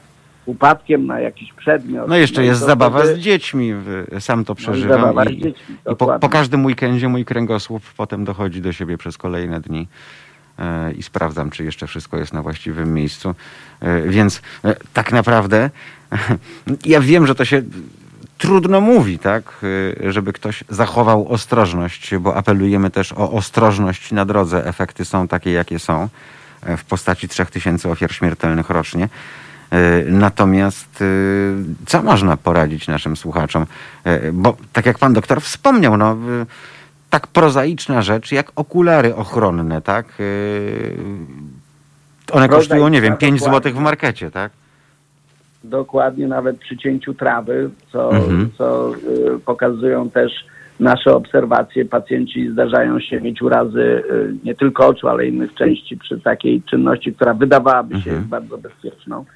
A profilaktyka, y, no tutaj z wiadomych względów jest utrudniona, no bo trudno przewidzieć, czy w zabawie dzieckiem coś nam się stanie. Natomiast ja przestrzegam przed czekaniem. Mhm. Czyli jeżeli mamy ciało obce, mamy uczucie ciała obcego, to nie czekajmy dwóch, trzech, czterech dni, bo wtedy robi się w przypadku metalicznego ciała obcego taka obwódka rdzawa. Mhm. Leczenie trwa dłużej, y, większe są dolegliwości. Tylko jak coś się dzieje, to po to są, po to jesteśmy y, na, na miejscu pracy, żeby Państwu jak najszybciej pomóc. To tylko nie jest szybsze. A często y, no, pacjenci czekają, a przyszło to i sobie odejdzie. No, no nie zawsze tak jest. Trzeba po prostu skorzystać z naszej pomocy i my potrafimy skutecznie e, Państwu pomóc. Dobrze, a panie doktorze, no to jeszcze taka ważna praktyczna uwaga. E, Nie wiem, próbujemy to e, wdłubać z oka, wsadzić oko pod kran, wypłukać. Co robimy, jak coś nam się stanie, żeby nie pogarszać się, bo być może trzeba to zostawić tak, jak jest i, nie wiem, przykryć gazą i, i jechać do szpitala po prostu. E, e, Intuicja pana redaktora jest bardzo dobra. Oczywiście cokolwiek się dostanie do oka przegotowaną wodą, czy nawet bieżącą, jeżeli nie mamy, czy nawet mlekiem, jeżeli cokolwiek jest takiego pod ręką bezpiecznego, można zawsze oczy przepłukać, wypłukać z toksycznej substancji, czy z zapruszenia e, jakimiś tutaj drobinami, tak, to, to może być zupełnie wystarczające. Jeżeli nie odczuwamy po takim e, zabiegu e, pogorszenia, tylko poprawę, no to wiadomym jest, że sobie poradzimy. Mhm. Natomiast no, w przypadku, kiedy te dolegliwości nie ustępują, godzina, dwie, trzy po takich różnych manewrach, które podpowiada nam życie, Mhm. no to bezwzględnie zalecałbym wizytę u specjalisty. Mhm. No właśnie. E, Gdzie tych specjalistów dzisiaj, dzisiaj szukać, doktorze? Bo e, szczerze mówiąc, e, większość z nas teraz zachowuje się jak dzieci we mgle, tym bardziej, że nie brakuje doniesień. Jeżeli już nawet tę pomoc otrzymamy, to jesteśmy odsyłani od Ajnasza do Kajfasza i szukane są na siłę oddziały, gdzie można na przykład takiego pacjenta umieścić. Jak to w tej chwili wygląda? Znaczy ja mogę mówić tutaj o własnej jednostce i Mhm. To proszę o mówić o systemie, własnej który znam. Mhm. I, i o własnym i systemie, który Mhm. znam, czyli jeżeli chodzi o miasto stołeczne Warszawa, no to mamy tak zwany dyżur referencyjny, czyli pacjenci, e, są wyznaczone jednostki, które codziennie inna, która pełni ten dyżur specjalistyczny na wypadek właśnie konieczności wykonania Mhm. chirurgii, Mhm. e, zeszycia, jakieś rany, czy rogówki, czy powiek, no, czy innych interwencji, które są konieczne u pacjentów. Czyli tu się nic nie zmienia. Tak jak ostry dyżur był, tak ten ostry dyżur jest. Mhm. Jest, jest wyznaczony jeszcze szpital MSWiA, czyli dla pacjentów, którzy są dodatkowo covidowo dodatni, Mhm. też mogą skorzystać, to tu ich nic nie eliminuje. Mamy pomoc e, okulistyczną zabezpieczoną również dla tych pacjentów. Mhm. Także ta pomoc istnieje. No oczywiście też... e, Panie doktorze, ale to przepraszam jeszcze, żeby, żeby nie blokować pojazdów, e, które służą ratowaniu życia. E, Możemy pojechać sami na taki ostry dyżur, czy znaczy z towarzyszeniem Tak, jakiejś osoby? tak. Wiadomo, że chodzi o to, żeby nie możemy prowadzić auta, jak ledwo widzimy. E, Natomiast często jest tak, że e, ta punktacja, którą na sorze otrzymujemy, prawda, jeżeli kogoś nie przywiozła karetka, no to jest tam odsuwany po prostu na szary koniec, tak? Znaczy z tego co wiem, to jeżeli pacjent jest bólowy, no to jest w pierwszej kolejności, Mhm. więc na pewno e, e, tak to działa. Natomiast e, te sory okulistyczne, nazwijmy to, no to już jakby pacjenci są bezpośrednio Mhm. kierowani. No, no niestety bywa na tych sorach e, czasami 50, czasami 70 osób, Mhm. no bo to w zależności od dnia. No w tej chwili jest trochę mniej. Ale to jest aż taka liczba, naprawdę? 50-70 osób? No, i 100 potrafi być na, na dyżurze, to wszystko zależy od, od y, sezonu, nazwijmy to. Jak jest sezon ogródkowy, gdzie właśnie są takie urazy gałązkami, czy, czy no, więcej jest tych prac y, typowo y, domowych, no to tak jak teraz obserwujemy, że trochę więcej jest prac remontowo-budowlanych, Mhm. bo budzi się w nas Bob budowniczy, tak jak pan redaktor zaznaczył.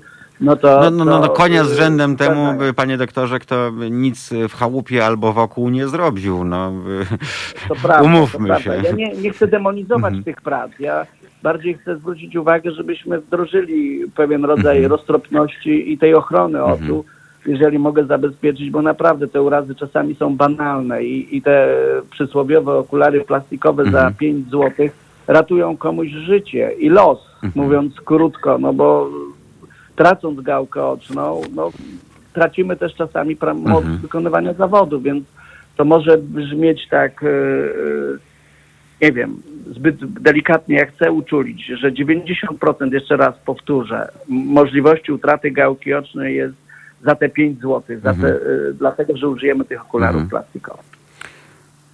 To O to, jest- Państwa proszę. To jest bardzo ważne, panie doktorze, tylko że tak, y, y, trudno jest niektórych zmusić, żeby maskę nosili i zasłaniali i usta i nos, y, bo dla niektórych usta wystarczą, ale nos musi być odkryty.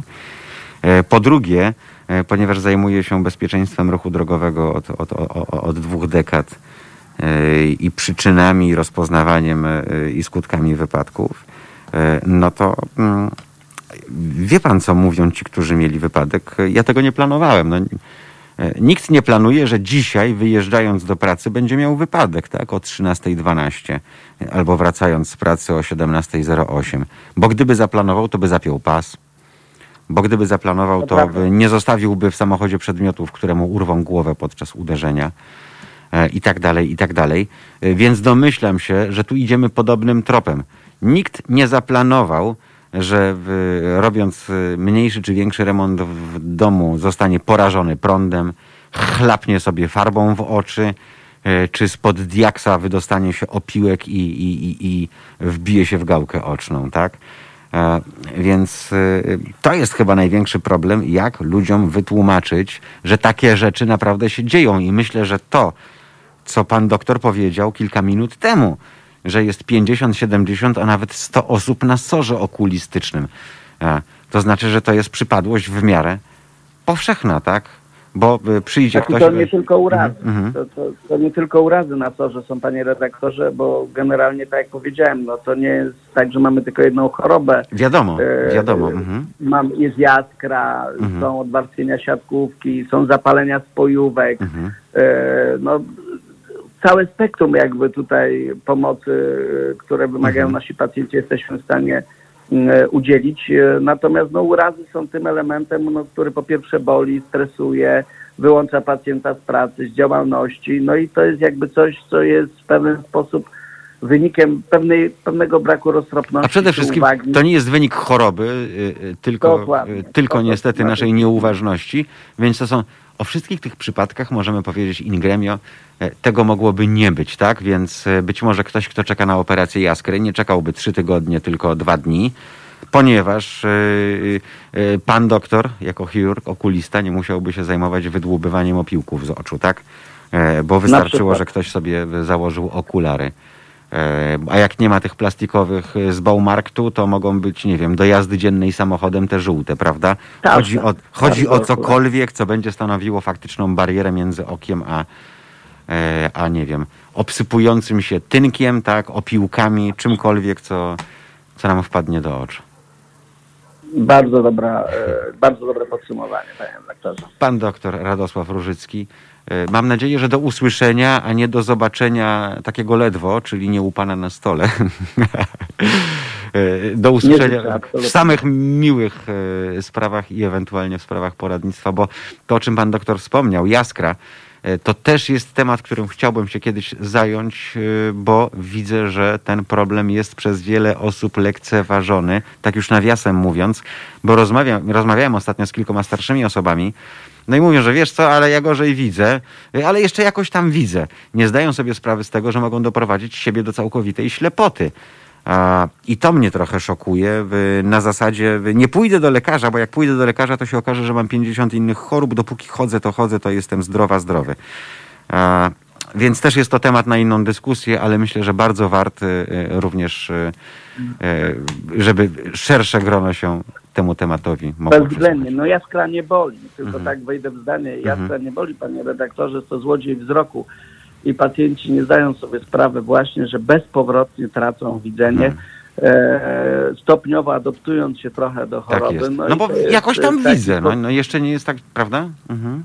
Dokładnie, a niestety widzenie to ostre, które, na którym naj, najbardziej zależy, zabierane jest przez jaskrę ostatnie. Mhm. Dlatego jest to taka niewdzięczna jednostka chorobowa. A tymczasem zabieg naprawdę w dzisiejszych czasach yy, to jest, no, No, można powiedzieć, żadna filozofia, tak? No. No, może nie do końca tak, bo to są bardzo skomplikowane procedury wykonywane pod mikroskopem, wszywamy różnego rodzaju, wszczepiamy różnego rodzaju implanty, które... Tak, tak, no, chodziło mi bardziej, panie doktorze, że to już nie jest taka wyprawa na Marsa, jak jeszcze kilkanaście lat temu, prawda? Że dziś aparatura, doświadczenie lekarzy, wszystko to złożone razem sprawia, że e, e, no, to nie jest wielki zabieg dla pacjenta. O, o to mi chodzi. Diagnozujmy się, Mhm. drodzy słuchacze, jeszcze raz się diagnozujmy, bo naprawdę medycyna dużo potrafi. Potrafi zabezpieczyć te oczy na szereg lat e, w ten sposób, żeby no, uniknąć poważnych powikłań. Także dużo już umiemy zrobić. Tak jak pan redaktor Mhm. wspomniał, ten, ten wachlarz zabiegów jest szeroki i potrafimy Państwu pomóc. No bo jeszcze chodzi też o taką miejską legendę, czy też bardziej ludową legendę, że na oku, a jak się tam omsknie coś lekarzowi, to ja zupełnie nie będę widziała, widział, prawda? E, Tej mitologii wciąż bardzo wiele funkcjonuje w naszym społeczeństwie i warto by tę mitologię e, e, po prostu ro- rozkruszać i pokazywać, jakie są fakty, jaka jest prawda. Mamy XXI wiek i wspaniały dorobek nowoczesnej, współczesnej medycyny. Pan doktor Radosław Różycki był Państwa i naszym gościem, chirurg okulista. Bardzo serdecznie dziękuję, panie doktorze. Dziękuję panie redaktorze. I udanego dyżuru życzę. Dziękuję serdecznie, miłego Dziękuję. tygodnia. My zaraz do Państwa wrócimy. W tej chwili mamy dokładnie 25 minut po godzinie 9, e, a więc e, znowu, ja nie wiem jak to się dzieje. Przyjeżdżam, wstaję o tej 5.05, trzeźwieję przez 40 minut, jedna, druga, trzecia kawa. E, Jestem tu, i nagle speed, niebezpieczna prędkość po prostu. E, tak przemyka nam, nam ten poranek. Ale to fajnie, bardzo się cieszę. Cieszę się i mam nadzieję również, że, że Państwu też tak przemyka e, i że jakoś w tej naszej rzeczywistości dookulnej jest łatwiej, e, jak jesteśmy tu wszyscy razem, bo jak wiadomo, w kupie raźniej. Za chwil kilka. Wracamy do Państwa.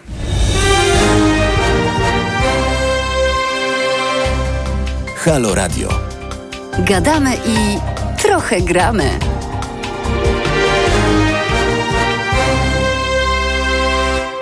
Tak jak Państwu mówiłem, e, jest tyle ciekawych wydarzeń. E, Wydarzeń, e, dzięki którym możemy naprawdę pojechać e, do marketu. Czy to w godzinach do seniorów, dla seniorów, czy w każdych innych. Tam popcorn kosztuje złoty 90, ten z masłem, taki do mikrofalówki. Kupujemy całą torbę popcornu, proszę Państwa, siadamy i dobrze się bawimy, bo Roman Giertych versus Adam Hoffman, czyli jak wygląda biznes po polsku, ten wielkoformatowy i jak e, i dlaczego? Bardziej przypomina Amerykę Łacińską e, albo północną w wykonaniu Meksyku. I nie tylko, bo za czasów Donalda Trumpa też podobne mechanizmy obowiązywały, e, więc można poobserwować, jak bardzo różnimy się od cywilizowanej części Europy, bo takie kwiatki e, bez względu na litościwie panującą ekipę się pojawiają i niestety pewnie pojawiać będą, bo władza degeneruje e, i to bardzo poważnie, szczególnie jak jest druga kadencja.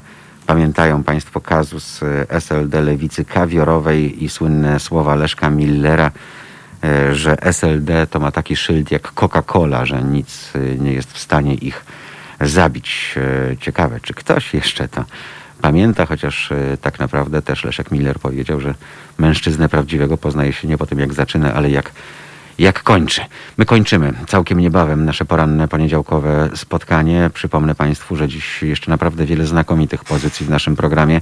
O 15 zacznie się popołudniówka, w której Mariusz Rokos będzie powoli podsumowywał wydarzenia mijającego dnia do 17, a od 17 będzie tutaj z Państwem redaktor Jarosław Szczepański. Dzień dobry Jarku, witam Cię bardzo serdecznie. Czym dzisiaj będziesz się zajmował? Witam, witam, witam serdecznie.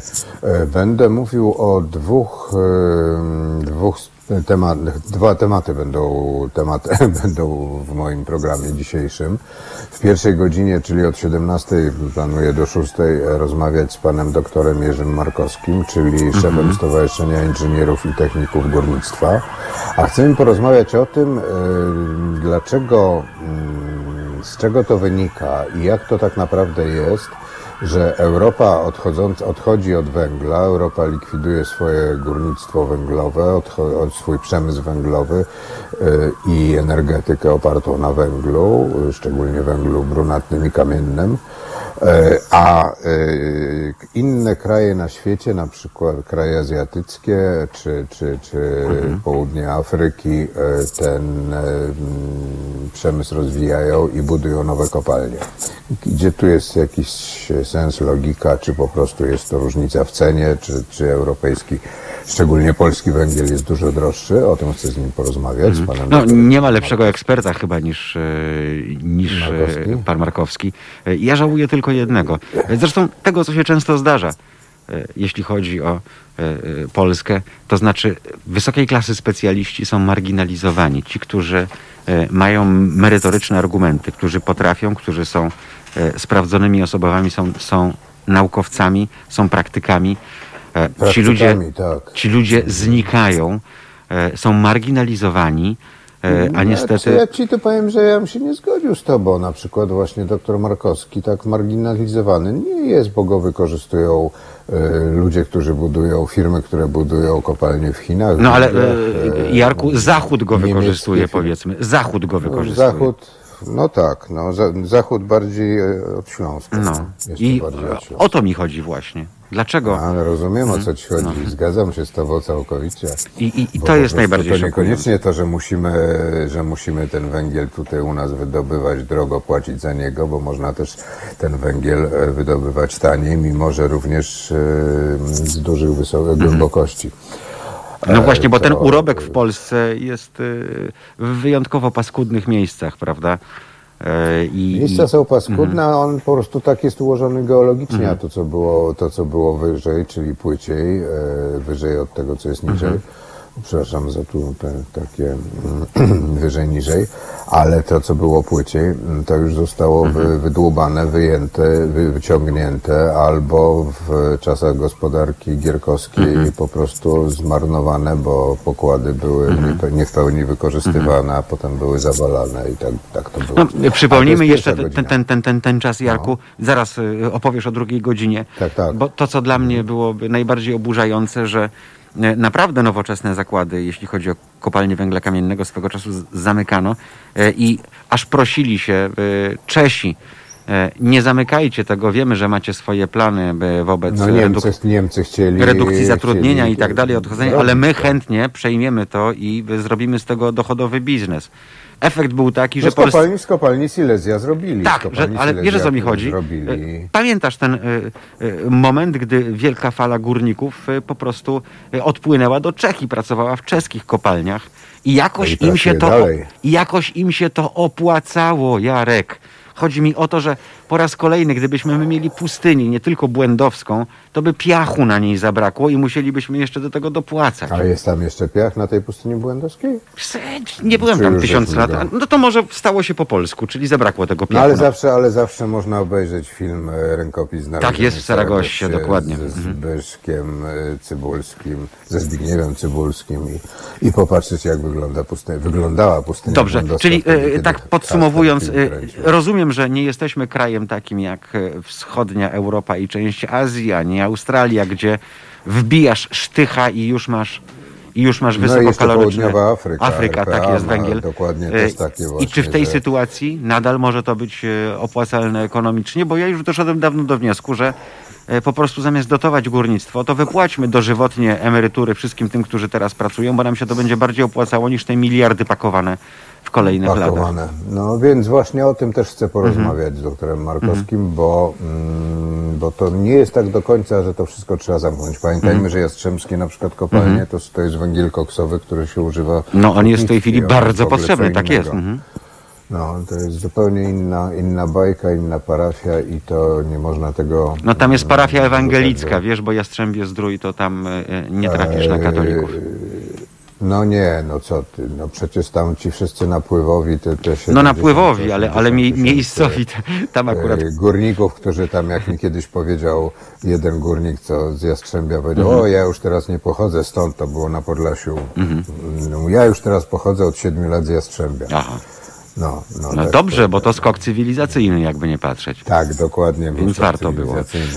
Co w drugiej No, godzinie? Jarku? w drugiej godzinie, w drugiej godzinie ym, porozmawiam też z doktorem, tylko Mhm. Jackiem Leuciakiem i porozmawiamy o tym, co się wydarzyło dokładnie 80 lat temu w Warszawie. Mhm. 16 listopada y, 1940 roku zostało zamknięte warszawskie getto, to Mhm. znaczy mury, które postawiono wcześniej. Dzielnica żydowska została po prostu zamknięta, no, można powiedzieć na klucz i ludzie, którzy w niej mieszkali, te 370-80 tysięcy początkowo. No później te liczby były jeszcze bardziej przerażające. Tak. Te liczby były większe, bo e, Pół miliona, w mhm. w lutym e, zaczęto po prostu dowozić, doprowadzać, Mhm. dowozić żydowskich mieszkańców e, okolicznych miasteczek, okolicznych w sensie z całego, Mhm. z całego Mazowsza, tego tutaj po tej stronie Wisły. Po prostu likwidowano tamte getta i e, przeprowadzano tych ludzi do e, warszawskiego getta. I to No się i- stało dokładnie 16 listopada 1940 roku. Nie zapominajmy, Jarku, że Polska miała największą diasporę żydowską w Europie. E, Nie zapominajmy też, że e, ten plan o ostatecznym rozwiązaniu pojawił się dopiero później, natomiast e, początkowo Niemcy Tak, też nie, te- też nie mieli, nie nie mieli pomysłu, pomysłu. Jarek. Też nie mieli pomysłu. Ten pomysł. Chcieli z dwóch pomysłów Tak. skorzystać. Jeden pomysł to był ten jeszcze pomysł, który e, Polska, e, nie tylko ONR i nie tylko, e, ale i polskie władze przedwojenne m, zastanawiały się nad tym, czy na przykład... Madagaskar, zrobić, tak? e, Madagaskar. Żydzi na Madagaskar, słynne hasło, Żydzi na tak. Madagaskar. Potem to e, hitlerowcy też e, zastanawiali się, czy, te, czy tego nie, po prostu nie przejąć tego, nie Mhm. tylko hasła, ale te, tego wywiezienia e, Żydów na Madagaskar. No, ale potem doszli do wniosku, że byłoby to zbyt Kosztowne. Podejrzewam zbyt kosztowne i po prostu poszli na tańsze rozwiązanie, Tak. czyli inaczej Czyli mówiąc, IG za Farben. Mhm. IG Farben. Tak. IG Farben, e, czyli dzisiejszy No i BAS. tak zostaliśmy z, ym, jesteśmy krajem, gdzie mamy ym, tysiąc, około 1600 cmentarzy żydowskich w Polsce. Ym, No przy, tak mniej więcej wypada ym, pewnie, to jakby to tak policzyć, to może trzech, czterech Żydów w Polsce żyjących na jeden cmentarz. No. No i to i o tym właśnie dzisiaj porozmawiamy z Jackiem Laociakiem, e, który jest no chyba najlepszym specjalistą e, od e, znawcą tego, jak, jak Jarku, to jeszcze błagam cię, zapytaj. e, Dziwisz wiedział, nie powiedział, tak? Zachód wiedział i nie powiedział. A, o tym też wiemy. w- tajne rozumiem. porozumienie amerykańsko-brytyjskie, jak pamiętasz, też wskazywano na to, że Stany Zjednoczone nie są przygotowane na taką falę imigrantów, ponieważ e, ekonomia Ameryki na to nie pozwoli. Skazano ludzi na śmierć w Co imię było kasy. bzdurą, bo akurat mogło, mogłoby się to... Miliony udać, ludzi, Jarek, skazano na śmierć w imię pieniędzy. W imię pieniędzy i w imię, e, w imię e, jakichś ide, idei, które, mm, chorych idei, które wymyślono. Ale na te idee które- można było zareagować w porę i to jest jedna sprawa. Natomiast wtedy, kiedy było już naprawdę bardzo późno i gdy można było e, udzielić ratunku, to też odwrócono się plecami, bo to się. Wiem, że to źle brzmi, ale to się im bardziej opłacało. Zachodowi to się bardziej Sądzę, opłacało. że to, to na tym polegało. No, poza tym na pewno by chętnie przyjęli e, bankierów, a Tak. też nie wszystkich przyjmowano. Bo jednak ten statek, który przypłynął, nie pamiętam jak on się nazywał, z tysiącem e, uchodźców. Zawrócony, e, tak. Zawrócono i popłynął z powrotem. I ci ludzie zostali zamordowani. Ale to nie tylko ten statek, y, bo plany były y, dużo większe. y, Chodziło o, o, o dużą migrację i bardzo dużą, wielomilionową nawet ewakuację. E, Malianci mieli teoretycznie takie możliwości, umyli, umyli ręce. Warto o tym również pamiętać, bo no, tak wygląda świat. Y, Warto o tym pamiętać y, również po to, by wyciągać wnioski, e, jakie mechanizmy świata politycznego obowiązują e, i nie zawsze wszystko wygląda tak różowo, jak na pierwszy rzut oka. Mamy- Ja mogę tylko jeszcze, jeśli pozwolisz, proszę. jeszcze jedną rzecz, bo to zawsze wydaje mi się, że to warto, em, warto sobie kojarzyć pewne rzeczy, pewne liczby. E, Jeżeli e, mówimy, że, bo takie są wyliczenia, że około 450 tysięcy żydowskich mieszkańców Polski zostało skoszarowanych z, na terenie warszawskiego getta, po czym e, praktycznie większość z nich została wymordowana, to to jest e, 450 tysięcy ludzi, to jest mniej więcej dwa Radomie i jeszcze trochę. Dwa dzisiejsze Radomie, to znaczy tak jakby Radom i jeszcze drugi Radom i jeszcze tam troszkę dołożyć i te dwa miasta z dnia na dzień, czy w ciągu trzech kwartałów zostały całkowicie zdję, wyję, zdjęte z powierzchni ziemi i wyludnione. Znaczy miasta zostały, a, e, a ludzie, ludzie zniknęli. No i odchodzi też wielu wspaniałych ludzi, którzy dawali żywe świadectwo. E, W ostatnich kilku latach zabrakło ich naprawdę, naprawdę wielu. E, Chociażby tak jak e, no, mój bohater, człowiek, który jest moim bogiem, Kazimierz Ratajzer. Tak jak wcześniej Marek Edelman, tak jak wcześniej wspaniała postać rzeźbiarza, który rzeźbiarzem okazał się później, któremu udało się uciec z obozu zagłady W Treblince. w Treblince. Cudowne, Tak, wspaniałe postaci. Mhm. Będą jego zresztą rzeźby, w, mam nadzieję, że będą w, w I e, człowiek, Treblinki który zachował nieprawdopodobnie jasny umysł aż do ostatnich dni swojego, swojego życia i myślę, że warto, żeby Państwo sięgnęli do dokumentów e, z tym niezwykłym bohaterem, bo e, to, jak on o tym opowiadał i to, jak reagował po 70 latach od wydarzeń jak nim to wstrząsnęło, e, myślę, że powinno dać wielu do myślenia, również tym, którzy e, dają przyzwolenie tym łebkom spacerującym po moście e, Poniatowskiego 11 listopada. E, Bo trochę wcześniej, z 9 na 10 listopada, szanowni państwo, obchodziliśmy rocznicę kryształowej nocy. O tym się wciąż nie mówi, a myślę, że warto przypominać. Potem jest 11 listopada i po tym wszystkim e, wychodzą tysiące Jarku Bydląt, tak to nazwę, bo inaczej nie potrafię. E, Ludzi, którzy hajlują na ulicy w mieście, które przeżyło potworną zagładę w Zagładę i to 43 i w zagładę 44 faszystowską. roku. Tak. Ja tego nie rozumiem, nie godzę się na to. E, aż mnie, mną wstrząsnęło teraz, e, więc kończmy już, bo zacznę używać grubych słów, a nie o to chodzi. E, bardzo Ci dziękuję. Zapraszamy Państwa na spotkanie z Jarkiem Szczepańskim. Dwóch doktorów. Ja byłem lepszy, bo u mnie też było dwóch doktorów, a jeden habilitowany dzisiaj w poranku. E, Mm, Mój chyba też jest O nie, o nie. muszę sprawdzić, ale... ale Ważne, ale że, że są to wybitni ludzie, którzy naprawdę e, będą Znają mieli. Państwu wiele do powiedzenia. tak. Ludzie, których, tak jak e, doktor Markowski, można ich jeść łyżkami. I nigdy nie, ma, nie jest mało, prawda? Zgadzam się. Coraz mniej Zgadzam takich się. postaci, więc warto tym bardziej z nich korzystać. Jarku, bardzo Ci dziękuję. Jarosław Szczepański od 17. Mariusz Gzyl od jutra. Od godziny 7 bladym świtem do 10 za dziś dziękuję. Dziękuję. Czyli ja Ci życzę dobrego tygodnia, wszystkim nam życzę dobrego tygodnia i do usłyszenia o 17. Tak jest. Dziękujemy. Do usłyszenia. Do zobaczenia. Na dziś to tyle. Dziękuję za rozmowę.